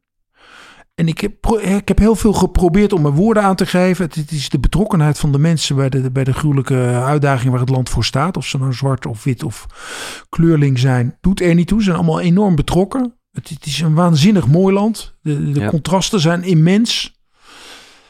En ja, die boeken van Coetzee, die, die, die, die, ja, dit, dat gaat hand in hand of zo. Ja. Ik weet niet wat het is. Nee, ik vraag het ook omdat, laat ik dat toch even aanstippen, al wat ik ervan weet, vond ik het, eh, nou ja, jij, jij tikt de, de, even de term grensoverschrijdend gedrag aan, zegt actueel, we weten allemaal waarom. Maar zelf, en dat lijkt me een lastige tijd voor jou geweest, ben je daar ook even twee keer mee in aanraking geweest? Of van beticht, laat ik het zo zeggen, tuchtzaken waarbij, nou ja, eh, bij één verhaal eh, was het zo dat jij eh, een cliënt van jou het e-mailadres hebt gegeven van een vriend. Ja, Nou, oké. En in het andere verhaal ging jij met een cliënt en haar vriendin ergens wat drinken. En heb je later die vriendin van jouw cliënt gezoend. En die flipte daar helemaal Ja. van of zo. heb je, heb, je, heb je huiswerk echt heel goed gedaan. Nou, ook omdat ik het, omdat ik gewoon dit wel een soort gevoelig vind. Want eh, ik, ik realiseer me dat ik het hiermee oprakel. eh, en ik wil dat wel gelijk in een soort perspectief plaatsen van wat er echt gebeurd is. Want anders wordt het alleen maar, ja, je was zelf ook betrokken bij een tuchtzaak. En dan, dan kan je eh, alles... Nee, maar kijk, er zijn- natuurlijk allemaal mensen, je online vrienden, jij kent ze ook, die gaan dan zeggen dat je seks hebt gehad met een patiënt en zo, dat soort Mhm. dingen. ja. Ehm, kijk, als je weet dat. Maar dat- vind het, ik bedoel, als ik eerlijk ben, en ik wil jou dat zeker Ja. in, vind ik dit een beetje vergezochte shit allemaal. Ehm, maar misschien, eh, ja, ik, ik, eh, ik ken de codes niet. Eh, Nee, maar goed, het, kijk, het is een ingewikkeld verhaal. Maar als je nou weet dat ik, dat ik als jongetje ten prooi ben gevallen aan seksueel grensoverschrijdend gedrag van vrouwen, dan wordt, het, dan wordt het toch al lastig om je voor te stellen dat ik me Daar eh, zelf eh, permitteer ja, ja, ja, om nee, seksueel grensoverschrijdend gedrag te vertonen in de richting van mensen die eh, aan mijn hulp zijn overgeleverd. En die vrouwen die dat met mij deden, die waren ouder. Mhm. Dus ik, ik, ik, was, ik was niet gelijkwaardig. En volgens mij is seks toch het leukste als het een beetje gelijkwaardig is. Nou, ehm, die tuchtzaak werd me aangesmeerd door een rancuneuze collega. En die kreeg de inspectie zo gek om, om, om die twee dingen samen te Ja. voegen. Dus ook we- wel een soort, ook eh, de, de betrokken dames in kwestie, denk ik dan. Want hoe die. Nou, zijn- die had hij gehoord. En, eh, dus Ja, hij had ja. zeg maar het bewijsmateriaal verzameld. Ah. Dus dat werd één tuchtzaak. En ehm, ik, ik heb in, in die beide zaken dingen niet goed gedaan. En dat heb ik ook nooit ontkend. Maar de uitkomst was dat ik een waarschuwing kreeg. Wat, wat zoiets een gele kaart is. Mhm. Niet omdat ik grensoverschrijdend naar hun was geweest. Maar omdat ik te veel van mezelf had laten zien in het contact. Dus ik, ik had me te open opgesteld. Ja, dus ik- want je ik- ging afspreken, je had nou, de ik liet mijn telefoon. patiënten eh, contact opnemen Ja. met een vriend. Het ging, ging over, eh, over, over, over Engelse vertalingen van boeken of zo. En hij was docent Engels, dus het had er niks mee te maken. Dat had ik niet hoeven doen. Had ik beter niet kunnen doen, want er zijn tussen twee mensen dingen gebeurd waar zij last van had. Maar is dat mijn verantwoordelijkheid? Ik denk het niet. Was het niet gebeurd als ik het niet had gedaan? Dat weet ik zeker. Dus fout. Nou ja, eh, zoenen met die patiënt. Het was, niet, het was niet gepland. We waren ook niet samen op pad. We kwamen elkaar tegen. Eh, dat is ook gebeurd. Maar dacht ik op dat moment... nu ga ik die patiënt eens even flink de gordijnen injagen. Nee, dat dacht ik niet. Nee. Had ik het gedaan als ik had geweten dat dat het resultaat zijn? Ik denk het niet. Was ik met die patiënt gaan zoenen? Ik weet zeker van niet. Want ik weet heel goed Waar de grens. eh, ja. dat daar een, een, een keiharde grens zit. Dus ik heb mijn hele leven met geen pink Nee. aan iemand gezeten die, die mijn hulp nodig had. En ik, ik ga dat ook niet doen. Daar heb ik geen twijfel over. Maar heeft het je iets, eh, heb, je, heb je ervan geleerd? Nee, ik bedoel, en dat bedoel ik niet, nu, nu klinkt het heel be- eh, belerend, maar ik bedoel het meer te zeggen, het lijkt me vooral eh, een beetje zo frustrerend. En ik hoop vooral niet dat je daardoor een soort, ja, wat ze dan misschien onorthodox noemen, maar in ieder geval je eigen persoonlijke aanpak daarmee hebt aangepast. Ofwel, of ja, dat ik- is de vraag. Ik, dus. ik, ik heb natuurlijk, ik heb natuurlijk de tegenstanders munitie gegeven. Want vanaf dat moment hoefden ze niet meer mij serieus te nemen. Want Want ik was grensoverschrijdend. Hmm. Eh, maar in die zin ben ik nooit grensoverschrijdend geweest. Nee. Maar goed, als je, je, je, je weet alles van beeldvorming. Ja, exact. Want dit, we hebben eh, de, de incidenten waar je het nu over hebt zijn 2003. Hè? Ja, nee, ja. En als, als, als, als ik dat zo diep in mijn systeem had zitten, was ik natuurlijk al de 18, 19 jaar daarna eh, in herhaling gevallen. Ja. En dan had de vrouw die door mij eh, eh, besprongen is terwijl ze voor een behandeling kwam, die had ze natuurlijk al lang gemeld. Het Ja. is natuurlijk veel makkelijker om mij aan te geven dan, dan om Ja. tegen Ali B in, in het geweer te komen. Dus Maar die, nou, oké, nou, nu snij je het punt aan waardoor ik misschien ook wel geïnteresseerd in ben, op een hele andere manier. Maar precies die beeldvorming, is dat iets, ja, nou ja, nogmaals, ik zeg dit gewoon vooral vanwege mezelf. Eh, wat, eh, dat ligt er ook maar net aan hoe ik in mijn vel zit. Het kan heel, toch wel frustrerend zijn, dat je heel erg de behoefte Ja. voelt om dat beeld aan te passen. Ik kan ook gewoon denken, eh, eh, op een andere dag, ja, ik weet hoe het zit, maakt mij Ja. niet uit wat mensen vinden. ja. Hoe, ja, hoe ga jij daarmee om? Want jij bent best, eh, daar- ja, eh, je, je noemt jezelf al de meest beruchte psychiater van Nederland. Hoe ga, ja, hoe ga je daarmee om? Nou, kijk, het, het, het, het, is, het is een extra drempel. Hè? Dus ik heb, ik heb op veel plekken gewerkt waar mensen dachten, oh, daar komt hij aan. Ja, Jezus, ja, hoe, zo. hoe gaat dat worden? Maar ik ben eigenlijk best wel aardig in het, in het gewone dagelijkse leven. Dus dat moeten mensen dan eerst ontdekken. Ja, En, en dan is het ook weg. ja, Maar zeker, zeker in liefdesrelaties hadden, hadden die vrouwen die mij dan ook echt lief hadden, die hadden daar wel moeite Ja. mee. Dus ze zeiden, ja, je bent zo niet zoals je imago is. en mijn vrienden of Ja. die zeggen allemaal, oh, met die gast, ja, dit is zeer herkenbaar, ja. Ja, nee, de moeder van mijn kinderen heeft, heeft twintig jaar lang krampachtig haar best gedaan om niet bekend te laten worden dat zij mijn partner was. Nee, wauw. Wat natuurlijk niet, niet heel lekker is in een relatie. Maar het weerhoudt je er niet van om te zijn wie je bent? Of merk je toch dat je onderbewust misschien wel bepaalde onderwerpen of eh, nou ja, uitspraken niet doet, omdat je toch misschien wel geliefder wil worden? Ja, nou, ja kijk, dit, dat, is, dat is het ultieme dubbele in mij en misschien ook in jou. Dat je eh, aan de ene kant denkt, ik, eh, eh, ze moeten van me houden om wie ik ben en anders maar niet. En aan de andere kant natuurlijk wel een fundamentele behoefte om geliefd te zijn. En dat, dat, dan ga je toch weer terug naar die, naar die, naar die vroege ervaringen. Ja, ik ben toch gewoon heel veel gepest. Ik heb weinig Ja. vriendjes gehad. eh, regelmatig in elkaar gemapt. Dat was allemaal niet leuk. Nee. To put it mildly. Ja. En, en het volgende is, ik kan er dus ook vrij goed tegen. Want ik, ik, Want je ik bent ben heel al, toen ik klein was, zoveel op mijn bek geramd. Dat als iemand tegen mij zegt, je, je, je bent een vuile pedo. Dan denk ik, ja joh, prima. Ja, Ik weet beter. ja, maar toch ook dat andere. Ik vind het mooi wat je zegt, want dat is precies dat dubbele. Ja. Eh, het derde boek. Het derde boek is, is van, denk ik, de beste Amerikaanse romanschrijver die er op dit moment leeft. Jonathan Franzen.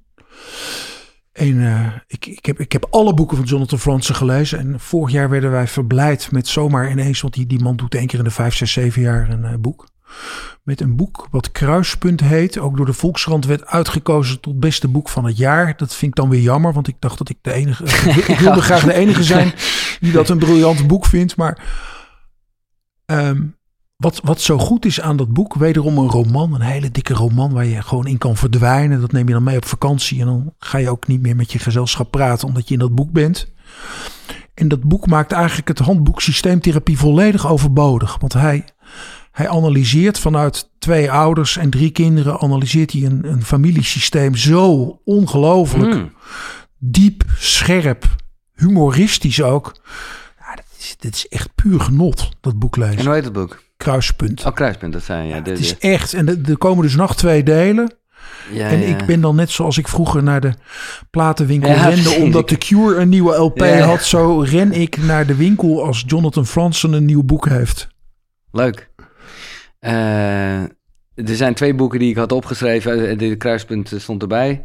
Eeuwige bron, heb je nog een keer ergens genoemd? Ja, ja, dat, en dat, ja dat, dat noem ik nu dan niet meer, omdat, dat, eh, omdat dat op dat punt in mijn reis een enorm belangrijk en inspirerend boek was. Want waar gaat het over? Ik Maar weet- dit heb, heb ik ook weer achter me gelaten. Nou, het, dat is eigenlijk het klassieke boek. Het, het is uit 1935, het geboortejaar van mijn vader. Van een uit Rusland gevluchte eh filosoof, Ayn Rand. En Ayn Rand is later door de Tea Party gekaapt in Amerika. En het onterecht voor rechtsextremist Mhm. uitgemaakt. Maar in dat boek heb je twee hoofdpersonen. Eh, die zijn allebei architect. En, en de ene, Peter Keating, ehm, die, die is... ehm, dat is een opportunist. Die weet hoe het spel gespeeld moet worden. En dan heb je Howard Rourke. En dat, dat is natuurlijk de held in het verhaal. En die, die, gaat, die gaat voor zijn principes, zijn idealen. En die leidt natuurlijk een heel pijnlijk, moeizaam leven. Maar hij blijft altijd voor die idealen staan. En dat is eigenlijk, dus die roman is bij uitstek de strijd tussen vorm en inhoud. Ja, En- ja, ja, ja, dat is de perfecte precies- vorm kan je dus rijk en beroemd maken. Maar je bent een echter mens als je bij de inhoud blijft. En, en nou ja, de- de- Die, daar ben ik nu eh, wel een beetje klaar mee. Dus ja. ik wil gewoon Howard Rourke zijn. En ik vind Peter Keating niet meer interessant. de maar dat, was, Ja, dat was toen wel echt een groot boek. En wie is van hout? Ja, wie is nou, dat was de reden om psychiater te Ja, worden. dat is die guy. eh, Ja, Oké. ja. Dan hebben we er stiekem vijf van gemaakt, maar dat, dat is mijn eigen ding. Oh, sorry, ik onderbreek eventjes eh, dit fijne gesprek. Maar dat is vanwege iets dat met boeken te maken heeft. En ja, ik hou van boeken. Ik hou van verhalen. Van lezen, maar ook van luisteren. Voor als je onderweg bent of gewoon, eh pff, nou ja, weet ik veel wat aan het doen bent. En ik heb nu iets stof met de vrienden van Next Story. Daar vind je echt op die site, jongen, 300.000 boeken. Dus ook zeker de boeken die net besproken zijn. En ik mag je nu, en dat is echt wel een toffe actie, 50 dagen gratis aanbieden. Ja, die gasten die geloven gewoon wel eh, in zichzelf. Dus die denken, oké, dan hebben we ze. Maar dat kan je echt even checken. Eh, ga naar koekeroe.nl slash boekenkast. Daar vind je sowieso alle boeken die besproken zijn eh, nou ja, in de afgelopen afleveringen. En daar vind je dus ook een link. En via die link kan je 50 dagen gratis Nextory gebruiken. Check het, koekeroe.nl slash boekenkast. Hoe, ga- hoe, hoe zit het met je eigen boeken, even los van je, van je uitgeverij? Waar, waar, waar... Misschien ben je al begonnen, of... Nou, ik eh, schrijf nu natuurlijk een boek over trauma. Ja. Dat kon niet uitblijven. Ja. Ja. en dan hou ik op met mijn eigen shit. Maar Hoezo? Ehm ja, om, Onuitputtelijk. om- omdat, ja, maar ik mag, ik mag van mijn moeder toch niet te veel over mezelf Nee, klagen. ja, dat, dat ga je er niet mee lijmen, nee, dat klopt. Nee, dus dat, dat geweten zit er nog. Nee, ik, kijk, waar we het nog niet over gehad hebben, wat ik nog zou willen aanstippen, is dat ehm, het, het ergste wat je als, als, als jong mens kan overkomen, is dat je niet op emotioneel gebied wordt gevoed op, op de manier waar je behoefte aan hebt. En dat Hechting. dat hechting, knuffelen, eh, apengedrag. Ja. En ik neem het mijn moeder niet kwalijk, maar ze heeft het me niet gegeven. En, Nee. en mijn vader ook niet. Mijn vader was er überhaupt niet. Dus eh, die, die had misschien nog tegen mijn moeder moeten zeggen... eh ai, die jongen wat meer over zijn bol. Dus ik ben heel hard opgevoed. ja. En er is heel veel onderzoek naar gedaan. En het blijkt dat, dat incest en klappen, dat is allemaal, is allemaal niet fijn. Maar, maar die affectieve verwaarlozing heeft een veel grotere impact op mensen in hun volwassen leven. Dan, dan een klap Mhm. of, of, of een oom ja, die op je, schoot je, trekt. je zou even hard kunnen zeggen, dat is tenminste nog aandacht. En Nou ja, aanraking. Ja, hoe, ja het, het, het, het zegt niks over, over wat, wat er Nee. wel ook geweest kan zijn. Dus we gaan het niet goed praten. nee. Maar affectieve verwaarlozing, emotional neglect, noemen de Amerikanen het, is, is echt een heel, heel zwaar onderschat thema. Ja.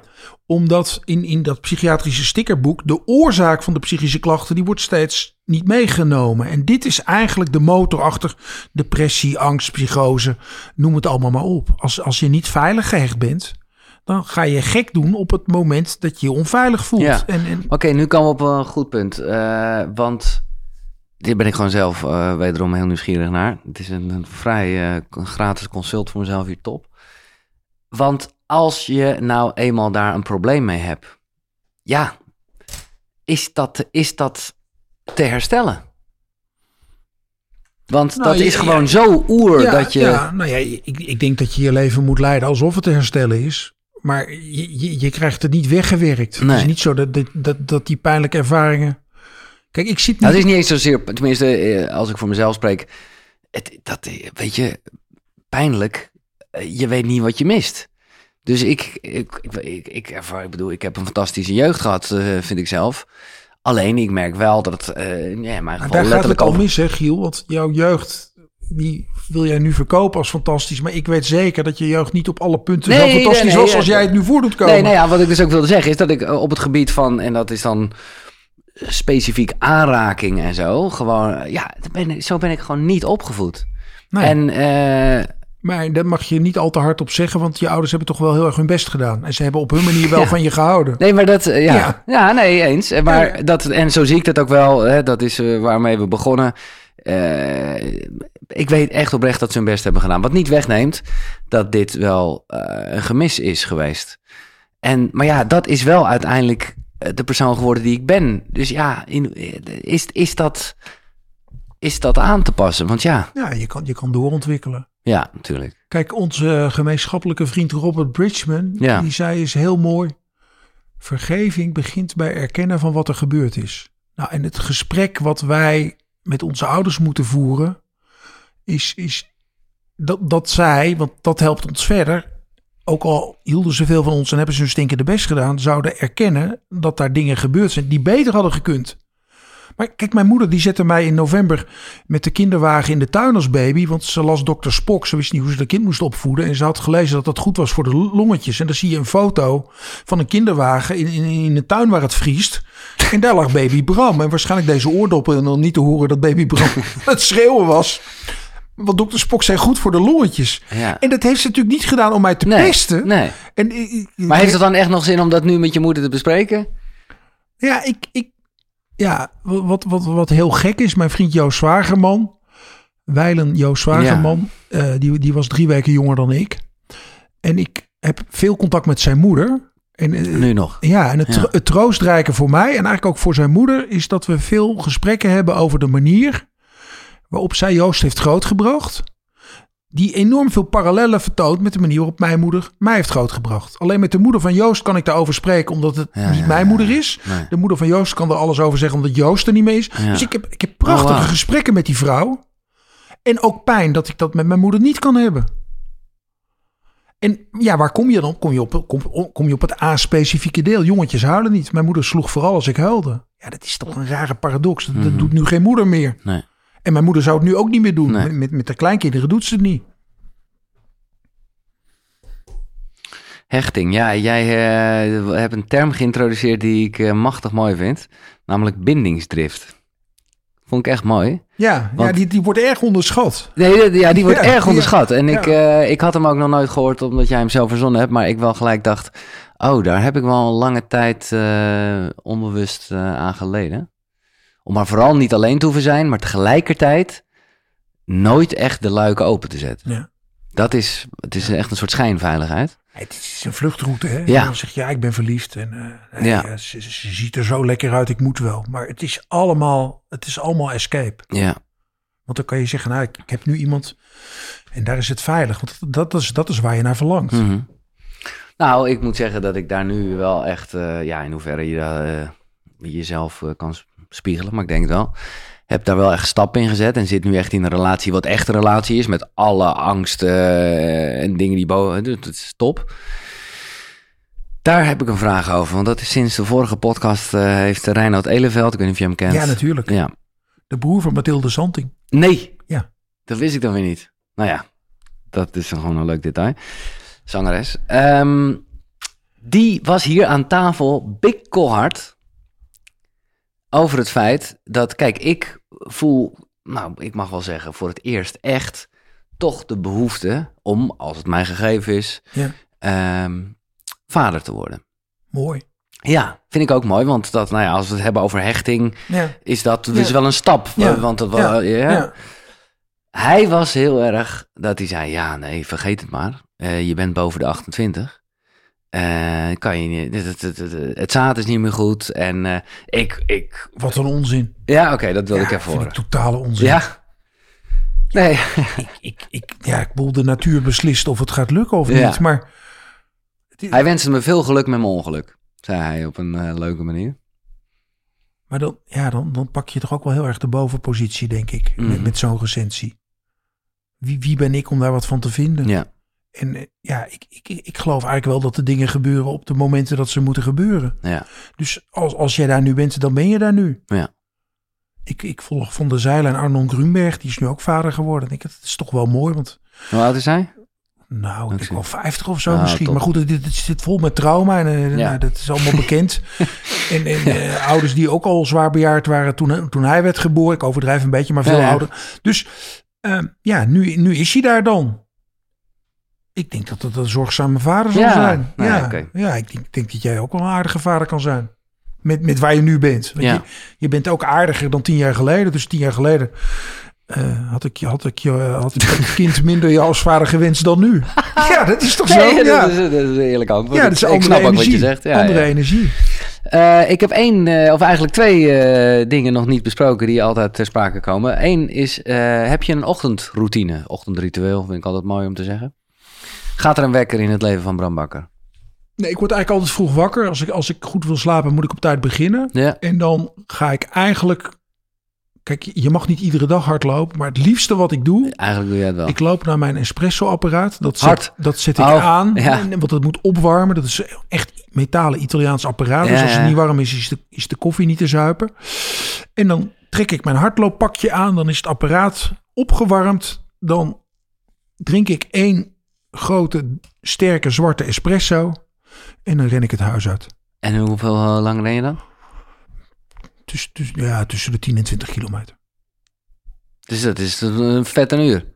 Ja, nee, zeker een uur. Ja, ja, zeker een uur. Nee, ja, maar het, een eh, ander gaat mediteren. en Nee, daarom. Dus ik snap dat dat het is. En, en, en dan eh, kom je thuis, douchen en de dag is En begonnen. dan, dan begint de dag, ja. Maar ik ben, ben dus regelmatig 's ochtends om half zeven al aan het rennen. En eh, met, eh, nou ja, ook eh, Koen in gedachten. Tenminste, volgens mij deed hij het wel. Koud douchen? Ja, ik, ik, ja, Nee, dus. ik ben, je, jawel. Nee, ik ga eigenlijk, ik, maar ik vind, ik, ik woon in zo'n nieuw appartement waarbij het niet echt koud wordt. Nee. Ik ga iedere gelegenheid, als ik in de buurt van de zee ben of, Dan, of, of, eh, of bij Bridgman in de Pyreneeën, lig, lig, ik wel, lig ik wel in het koude water. Ja, ja, ja. Maar ik heb een hele sterke voorkeur voor natuurwater. ja, dat snap ik wel. Ja, ja oké. En nog andere eh, routines hoeft niet per se in de ochtend te zijn, maar eh, dingen opschrijven, eh, met eten. ik vind het altijd leuk om daar... Nee, nee. Dat, nee, dat valt eigenlijk wel mee. Doe jij een intermittent fasting? Oftewel... Ja, want ik ontbijt dus eigenlijk niet. Nee, precies. dan heb, heb ik gerend en dan ga ik douchen en dan ga ik aan het werk. En, En dan is ga, ik, ga ik dus tussen de middag pas eten. Ja, ja, ja. Oké, en hoe kijk je aan tegen de dood? Ik ben heel, echt heel oké met de dood. Omdat, kijk, mijn grootste, belangrijkste vriendschap in dit leven was eh, Gerrit. Ik, ik, ik, Dat is een van die vijf eh, in die ja, dat een van die ja. vijf. En, Ja. en, en, en de oudste vriend. En eh, ik ging derde klas middelbare school in Friesland wonen. En daar heb ik eigenlijk mijn beste jeugdjaren gehad. Omdat, omdat die gruwelijke tijd in IJsselmuiden toen stopte. En toen ging, ging het ook met mijn ouders beter. Dus ik ben heel gelukkig geweest in Friesland. En ontmoette heel snel daar hem. Ja. En hij, eh, hij woont in Heerenveen. Wij wonen op een boerderij in het, in het buiten Heerenveen. En wij zijn als broers door het leven gegaan. Jarenlang. Dus, Oh wel, want ik dacht dat jij de hele tijd verhuisde. Dus dat eh, als ja, het maar gaat over maar het gaat, het gaat dus eigenlijk over maar vier jaar. Ja, oké. En toen gingen we studeren. Hij naar Enschede, naar Amsterdam. En toen ging dat eigenlijk in, in dezelfde gehechtheid verder. Dus alle vrienden delen, weekenden Mooi. met elkaar doorbrengen, samen hardlopen. En Gerrit deed de HAO en die werd een zakenman. En dit, was hij heel goed in. Hij, hij handelde in melkpoeder. Echt, het klinkt heel truttig, Nou, maar dat, is in op een gegeven moment in Japan, groot. eh, of Ja, weet ik wel, in ja, China ja, geloof ik. Nee. China was dat. Dat was echt een ding, ja. En hij ging, hij ging dus stage lopen bij een melkfabriek voor zijn HAO. Toen is hij, toen is hij bij de baas van die melkfabriek gaan werken. En, en zijn hele leven bij dat bedrijf blijven werken. En ehm, de oprichter, eigenaar, die, die was overleden of al ver met pensioen. En hij zou CEO worden. Eh, van, van een serieus heel groot Ja. bedrijf. En toen nam hij een sabbatical van een half jaar. En Gerrit was echt, echt een, een steile Fries. Eh, dus niet te veel praten. Wel, wel heel gevoelig. Ja. En toen, eh, toen belde hij mij op een dag op. En toen zei hij van, is iets... ik, heb, ik heb iets met mijn stem. En ja, ik ben bij de KNO-arts geweest. En die zegt, dat is niks. En toen wist ik het. En ik kende een vrouw die kon heel goed stembanden bekijken in, in, in Leiden in het Universitair Medisch Centrum. Toen heb ik haar gebeld of mijn vriend langs kon komen. Dus zijn we daarheen gegaan. En toen heeft ze eigenlijk gelijk aan zijn stembanden gezien dat dat heet de Bulberen variant van ALS had. Heeft hij nooit meer gewerkt en eh, anderhalf jaar later euthanasie gekregen. Goh. En ja, dat, dat, dat, nou ja, dat was altijd al de ziekte die mij het ergst lijkt. Omdat dat je er niks aan kan doen. eh, Dat kan was ook wat jij weet- zelf gelijk dacht, hè? Toen nou ja, toen ik met dus je- zelf ziek werd, dacht ik, nu zal ik het ook wel Ja. hebben. Ja, zo- zo, werkt angst. Hè. Dan ben je ineens Ja. totaal niet meer rationeel. Wat, wat het mij heeft opgeleverd, is dat als ik er een dag geen zin in heb, denk ik, Gerrit is nu al vijf jaar dood, zes jaar dood. Eh, wat, wat heb ik nou te zeiken? Zo van, je zit in de bonus in vergelijking met hem. Ja, en, en hij heeft dat manmoedig gedragen. Hij heeft de, de tijd die hij had, heeft hij optimaal benut. Wim Hof heeft hem overigens nog geholpen met ademhalen. Oké. Hele mooie, hele mooie sessie heeft Wim gedaan met hem. En heeft tot het eind, dat je, je stikt letterlijk, Mhm. heeft hij heeft hij die technieken van Wim kunnen toepassen om het nog een Mooi. beetje draaglijk te houden. En heeft toen, eh, ja, ik geloof dat hij op 27 december tegen zijn gezin zei, 30 december ben ik weg. Want hij wilde de kerst niet verzieken, maar hij wilde ook met hun niet meer het nieuwe Oh, jaar in. ja. En dat heeft hij toen zo gedaan. En Ja. Ja, grote klas, grote klas. Dus het doet me echt denken aan mijn vader, waarbij ook euthanasie gepleegd is. Die het ook precies zo deed eh, in mijn vakantie. en zo. Dat je echt dacht, gast, eh, Ja. of... of eh, Ja. maar ja, goed.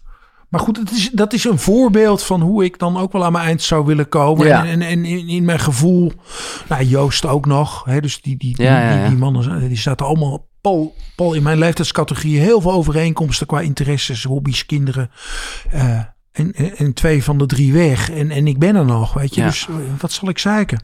Ja, maar goed, eh, je hebt twee zoons en een dochter. Je wil dat, ik bedoel, ik neem niet aan. eh, nou ja, dat, dat, dat Nee, ik geniet van het leven. Ja, en ik, nee, ik hoop dat ik nog heel lang mee kan. Ja. Ik, heb, ik heb gek genoeg ook nog het gevoel ook dat ik heel oud word. Ik weet niet waarom, maar zo voelt dat. Maar als, als het niet zo is, nee. ik draag mijn lot manmoedig, denk ik. En wat denk je dat er gebeurt? Vind ik altijd mooi om te filosoferen. En zeker met nu jouw achtergrond als, nou ja, westerse en oosterse mentaliteit, laat ik het zo zeggen. Ja, ik ben helemaal spiriwiri Ja, nee, dus, eh, nee, kijk, ik, ik, ik vind die gedachte...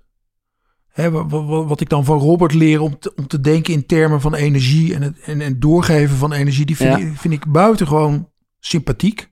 Ja, maar buitengewoon sympathiek. Eh, Nou ja, eh, ik, ik denk dus dat, dat, dat, dat, dat ik een doorgeefluik van energie ben. Ja. En, en, en dat ik gewoon in, in, in, in het niets oplos. Maar dat een deel van mijn energie gewoon doorleeft in, in de generaties na. Maar dat, dat, dat, Ja. dat, dat geloof ik wel. En Ja. dat, dat, dat stoffelijke speelt er al geen enkele rol meer in.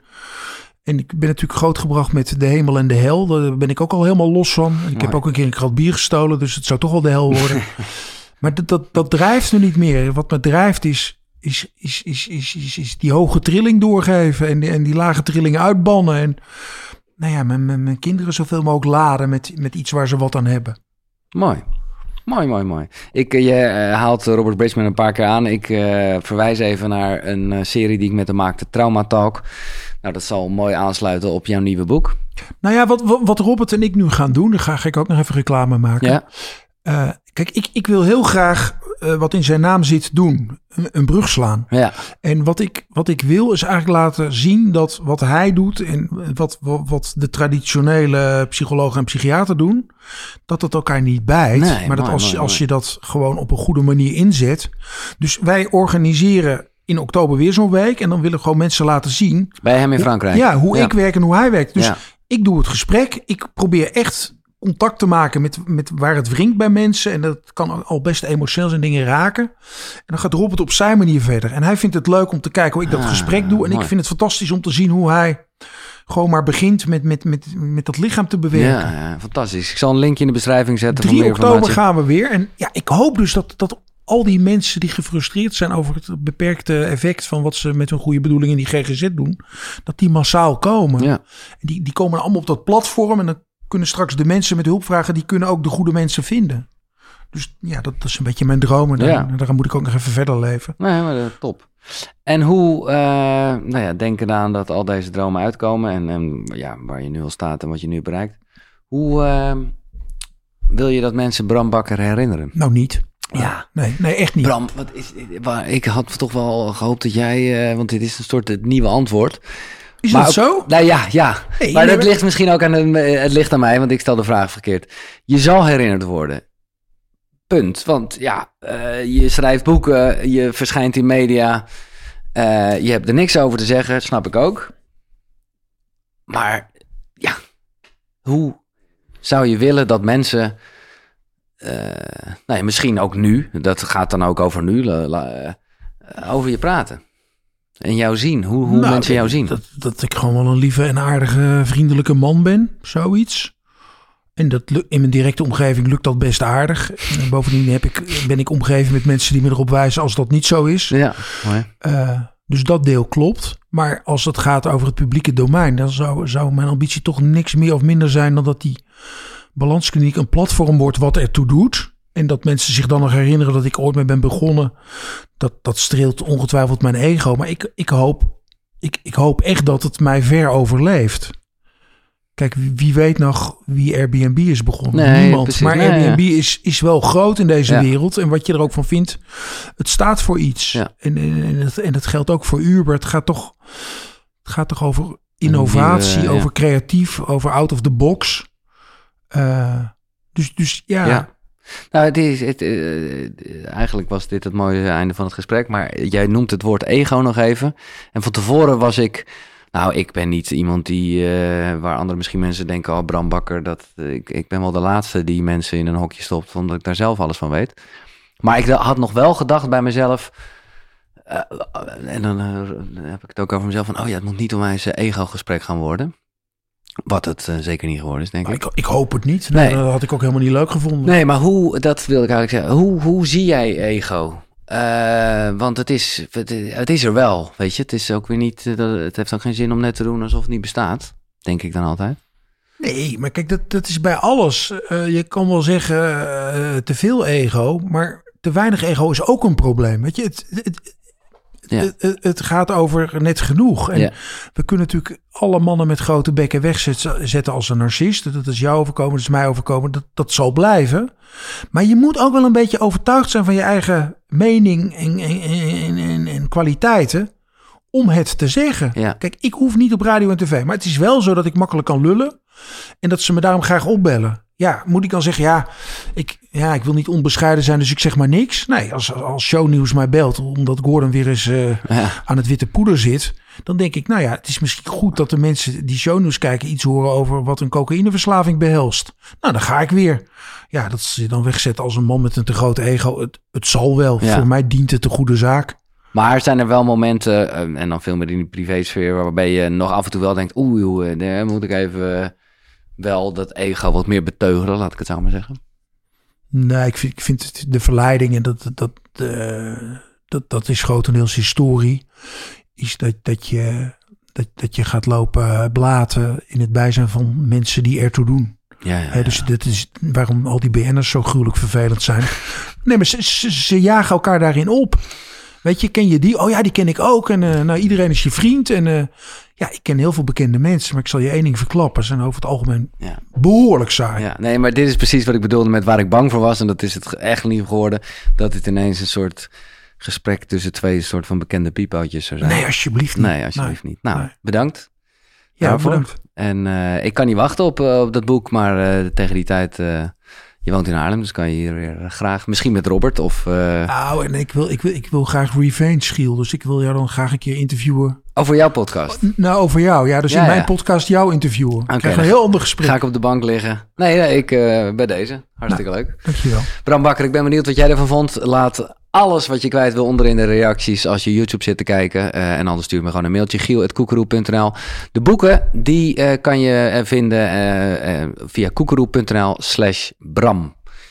Eh, het zijn er vijf. En ik zal er ook nog... eh, wel, welke, welke van je eigen boeken zal ik erbij zetten? Ik doe sowieso de verademing, want dat vind, dat vind ja, ik een heel... ja, en, en, en dan gevoelsarm. hè. Gevoelsarm, dat, dat ja. gaat toch eigenlijk over wie ik als mens ben. ja, eh, terwijl ik psychiater ben. ja, ja, supermooi. Oké, bedankt nogmaals. Eh, en dat ranken, nou ja, je weet, ik moet het vaker zeggen, maar eh, ik heb er nu geen zin in. Eh, dus bedankt voor het luisteren, kijken. Tot de volgende. Zonnegroet. Hoi.